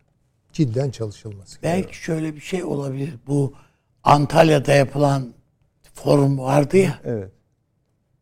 Ona benzer bir forum eğer yapabilirse Türkiye, Ukrayna için mi diyorsun? Ukrayna, Rusya savaş için Anladım. çok ses getirebilir. Yani, Yani şey için mi diyorsunuz barış, e, Barış. ara buluculuk? Valla benim üstadım hiç ona bile ihtiyacımız yok. hayır kendi yani, ama ses yapalım? getirir hocam bu. E zaten Yani Türkiye Tayyip Bey'in- yaptı bunu. Misyonu ile ilgili bir şey olur yani iyi olur. Yaptı zaten. Hadi Antalya'da buluşturdu. Daha ne yapsın Türkiye yani? Değil mi? Şeyle Antalya'da Lavrov. Lavrov Ama İstanbul'da İstanbul'un bir hayrı oldu yani bir hayrı çok oldu da ama en belirgin çıktısı bence şuydu. Biz anladık ki o zamana kadar hatırlayın o tarihte Türkiye'de herkes tartışıyordu. Ya Amerika İngiltere barış istiyor mu istemiyor mu diye İstanbul'un en büyük faydası bu oldu. istemedikleri. İstemedikleri net bir şekilde ortaya Ve çıktı. Türkiye daha ne Onlar- yapsın yani? Tamam Daha onlar tabii. istemiyor onu biliyoruz. Ama Ukrayna istiyor mu? O da istemiyor Rusya an. istiyor mu? Ben Rusya'nın istediği şu anda do- şu anda dondur razı olur gibi geliyor. Bence öyle. Bazı kavgalarda karı koca arasına girilmez diye bir şey vardır. ha, tamam hocam. Bence yani orada iki tarafa da itidal tavsiye ederek, iki taraflı da iş yaparak, güven kırmadan şu anki performansı Türkiye'nin Rusya-Ukrayna savaşında göstermiş olduğu performans dört dörtlük bir diplomasi başarısıdır. Zaten bir açı olsaydı şimdiye kadar 50 kere oradan saldırırlardı. Türkiye'ye yakışan da budur. Eyvallah. Tabii doğru söylüyorsunuz. Yakışan. Bizim için problem güneyde yapılan hataları içinden nasıl çıkacağız odur. Onu da konuşuruz hocam. Allah'ın izniyle. Hasan hocam. eee, Siz de bir fotoğraf çekin Ukrayna özelinde ama yani tabii katılıp katılmadığınız noktalar varsa onları da belirtin kuşkusuz. O arkadaşlarım Fakat şunu da rica edeceğim sizden. Şimdi bu iş bir yerde bitecek. Bir yerde bitecekten kastım. Oraya atılan tohum kolay kolay hani bu iki ülke arasında nasıl çözülür bilemem ama Amerika bir gün bunu durduracak. O, o bugünü de şöyle işaretliyoruz. Hani seçim. Evet. ABD seçimi. Zaten hele kaybederse zaten Peki bu hesabı nasıl verilecek bu işin? Bu kadar adamın, paranın, insanın, Avrupa'nın hiç onları unut diyor bak Süleyman Hoca. Onları sen niye peşinden koşuyorsun? Yani neyin hesabını verdiler ki bugüne kadar? Peki. Buyurunuz hocam. Yani iki sistem birden aslında bu yaptıkların tersi bir reaksiyon gösterdi. Bir, küreselleşme çökerttiler. Zaten Covid ile başlamıştı o. Peşinden ileri sürdükleri liberal sistem ekonomik dengelerin bozulmasıyla o da çöktü. Çünkü topluma yeteri kadar imkanlar sağlanmadığında sistemin liberal kalması mümkün değildir. Yani toplumun istediklerine vereceksin falan. Şimdi şeye bakıyorum. Arada da böyle Amerikan askeri bilmem ne rock sitesi diye bir site var. Bilmem ne on the rock. Diyor ki Çin'e... Müzik sitesi değil yanlış anlaşılmasın. Askeri site orası. Askeri site. Çin'e diyor hazırlık yapıyoruz. İşte Çin'in silahlarının gelişmesine karşı. Pentagon diyor savunma bütçesini yüzde 40 arttırmasını istiyor. Şöyle baktım 895 milyar dolar. 9 yani. Yüzde 40 daha 1 trilyon 250-260 milyar dolar Pentagon bütçesi. E bu adamlar az önce iflas etmemişler miydi? Evet. Borcu arttırmak üzere. Şimdi pek tutarlı bir durum değil bu. İki ülkeyi de karşılıklı birbirine almayacaklardı. Ve buraya yapılan anlaşmalarda da işte harcamaları keseceğiz. Ama vergi de arttırmıyorlar. E, askeri şeyi göya ayırmış. Fakat Cumhuriyetçiler de bu anlaşmayı yapan grubun başkanını tehdit ediyorlar. Biz seni seçtirdik. İşte parlamentonun başına seni Abi. tepen aşağı alırız falan. Yani pek durumları iyi değil. Fakat bu durumda girdiği olaydan geri dönemiyor. Çünkü niye? Bütün Avrupa'yı sistemi içine sokmuş. Herkes silah cephane bilmem ne. İngilizler adam veriyor. Bu Rusların attığı bazı füzeler var. Söylenmiyor. Toprağın altına kadar girip 100 metre falan. Birkaç tane bunların füze sistemlerine vurmuşlar. Toprağın altına kadar. Fakat ölenler 40 kişi Amerikalı. O yerin altındaki yapı. Amerika bunu söylemiyor. Rusların attığı füzeyle bizim yeraltı karargahlarındaki 50 kişi öldü demiyor. Böyle çatlayan. Ruslardan çok kayıp oldu. E sizinkiler gitmiş. Hocam adamlar utançtan tabutları gönderemiyorlar Amerika'ya. Peşinden gıda enflasyonuna neden oldular. Peşinden enerji enflasyonuna neden oldular. Kendileri getirip pahalı enerji satıyorlar. Ona rağmen bu yeterli olmuyor. Macron hala diyor ki Avrupa'yı enerji sistematiğinden Rusya'nın kurtarmalıyız. Nereden alacağım peki? Başka neresi var? İran'da var. İran'da kavgalılar. Arap ülkelerinden arttır diyorlar, arttırmıyor. O da kendisine yeni bir biliyorsunuz uluslararası bir şehir yaratıyor. Böyle elektronik ileri doğru akıllı bir adam çıktı o Selman. Tam böyle bir yapı içinde bu sırada bizim hatlarımızda bütün yansımalar bu ekonomik açıdan Balkanlardan geliyor, şunlardan geliyor, bunlardan geliyor falan filan. Ve Avrupa Birliği'ndeki ülkelerin durumu da iyi değil bu şekilde. Mesela küçük Finlandiya 8-10 milyon nüfusu var. 2022'de yüzde 64 askeri bütçesini artırmak zorunda kalmış. Oradan da böyle ilginç bir tarafı var. Finlandiya'ya gitmiştik. Arkadaşlar telefon ediyor. Gel özel yemek yiyoruz. Ne yemek yiyoruz? Ayı avucu içi. O çok özel bir yemek tabii. Ayının avucunun içi yumuşakmış falan. Evet. Mesela 500'den fazla ayı oldu mu gedikleri öldürüyorlarmış. O yüzden 500'den fazla ayı çıkartmıyorlar. İşte en pahalı yemek de o. Ya dedim normal biftek yiyemez miyiz? Hayır bunu yiyeceğiz falan. Şimdi böyle bir ülke korkunç. Yani yediniz yani. Yedik. Et, et abi. Yuvarlak bir et. Tarlada böyle getirdiler. Öyle. binlerce dolar harcayacak. E bunun yansımaları bilmem neleri şunları bunları nasıl olacak? İsveç öyle şimdiye kadar kalkınması, gelişmesi zaten iki krallık bir aradaymış. İsveç, Norveç sonradan ayrılmışlar. Evet, tabii bilmem kaç O yüzyılda. İskandinav'ın birbirinden nefret edenleri de var yani. Orası da alt tarafı iyi, üst tarafı frigorifik. 200 kilometre kuzeye doğru çıktığınızda yaşanmaz bir durumda. İşte Lapa bilmem ne bölgeleri falan. Arktik bölgeye girecek, dolaşacak halleri yok falan yok. Bir takım stratejilerle, uydurma stratejilerle Avrupa'yı da korkuttular. İşte 2022'den sonra bu ikisi girmeye karar vermiş. Yoksa iş adamları mı karar verdi onu da bilmiyoruz. Ama Orta Doğu'ya kadar her tarafı perişan ettiler. Niye? E, Amerika bir numara olmasını korumak istiyor diye. Öyle tabii aynen o. E peşinden de demokrasi, insan hakları, şudur budur falan. Onlar bizim için, onun için. Hayır, ama bu mümkün değil. Bu ifade kendi analizlerini okuyoruz. Yeteri kadar gıda, yeteri kadar para, yeteri kadar destek, yeteri kadar hizmetler, yeteri kadar yatırımlar olmadığı müddetçe liberal sistemlerin gelişmesi mümkün değil. Para bol olduktan sonra hepimiz gevşeriz. Çocuk çok para mı istiyor? Al oğlum git yemeğini ye falan. Çok bağırıyor al sana bir araba daha falan. Tamam bitti olay. Öbür türlü sıkışmalar, aile içi kavgalar falan. Aynen böyle bir ortama gelişti. Liberal sistem diyor. İlliberal sistemin gelişmesinin temelinde maalesef Amerika var. Yani istediğini tamamen Yani tersi. zaten bu çatışmaların sonunda çökecek. Yani Türkiye'de de zaten o problem var. Yani liberaller kaybediyor. Bu ta- hep bu ta- e, seçim döneminde de konuşuldu bunlar. Sadece- neoliberaller, neoliberaller hepsi gibi gidiyorlar yani. Kendileri de içeride bölünmüş durumdalar. Gelen yazılardan onu görüyoruz. Trump'a dava üstüne dava açıyorlar, bilmem ne yapıyorlar. Bundan 20 sene evvel bir kadına şey etmiş, kadın unutamıyor o 20 seneyi. Yani Hatırlamasını sağlamışlardır. Şey için de geçer. Şimdi Biden'ın da bu gizli e, şey resmi gizli resmi belgeleri verdiğine ilişkin Ah. bir şeyler var. Hocam şeyi de ekleyeyim. Bu askeri bütçeyi söylediniz ya hani şey diye de bağladınız. Hani iflas etmişlerdi. Şimdi bu askeri bütçelerde biz de çok güzel zikrediyoruz bunları da. Söylenmeyen şey şu.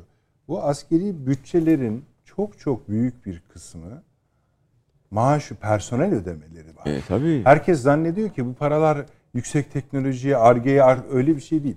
Ve bu öyle büyük bir rakama ulaşmış durumda ki artık bunu siyaseten ödemek zorunda. Yani mesela yine bunu da şöyle bir örnek vereyim. 1 milyon F-35 parçası nasıl kayboldu Amerika'da? Şimdi cayır cayır bütün gazeteler diyorlar ki kardeşim bu F-35'lerin yedek parçaları nerede? Kaç tane kaybettiniz diyorlar. 1 milyon parça toz olmuş abi. Kara borsa. Ya nerede pa- 1 milyon F-35. Yeni uçak bu eski uçak falan da E, değil. Hani Ankara'yı bilmez misin? Amerikan pazarı nasıl doğdu? Evet. Amerikan üstünden gelen Her mallar. yerden mal geliyordu oraya. aslında Süleyman Hocam bir böyle gri akıl odası da mı yapsak? Bak bu F-35'lerin 1 milyon parçası nasıl kayboldu? İtalya'da bu biliyorsunuz bir casusluk olayı oldu. Ee, sen duydun mu abi? Göl, gölde İtalyan casusları Evet, ve öyle. Mossad casusları balık tutarken öldüler. Evet. Ondan sonra bir de şimdi yeni popüler konu bu UFO görüntüleri var. Bu küreler uçuyor yer kürenin üzerinde. Belki de öyle bir alan da açmak lazım. Ama tabii biz biraz daha önemli konuların üzerinde. Ben o konularda Bektaşiyim. Rıfai değilim. Evet. Yani Rıfailer bir milyon işte. parçanın nerede olduğunu ben bilsem de söylemem diyorsunuz yani. Hayır. Sayın Avni Özgür çok teşekkür ediyoruz. Size teşekkür ediyoruz. Profesör Doktor Süleyman Seyfiyen hocam. Sağ olunuz. Profesör Doktor. Hasan Kön hocam. Ağzınıza sağlık. Teşekkür ederim. Eh bu haftayı da bitirdik efendim. Salı günü yine aynı saatte inşallah huzurlarınızda olacağız. Bakalım dünya nasıl bir dünya olacak. İyi geceler diliyoruz.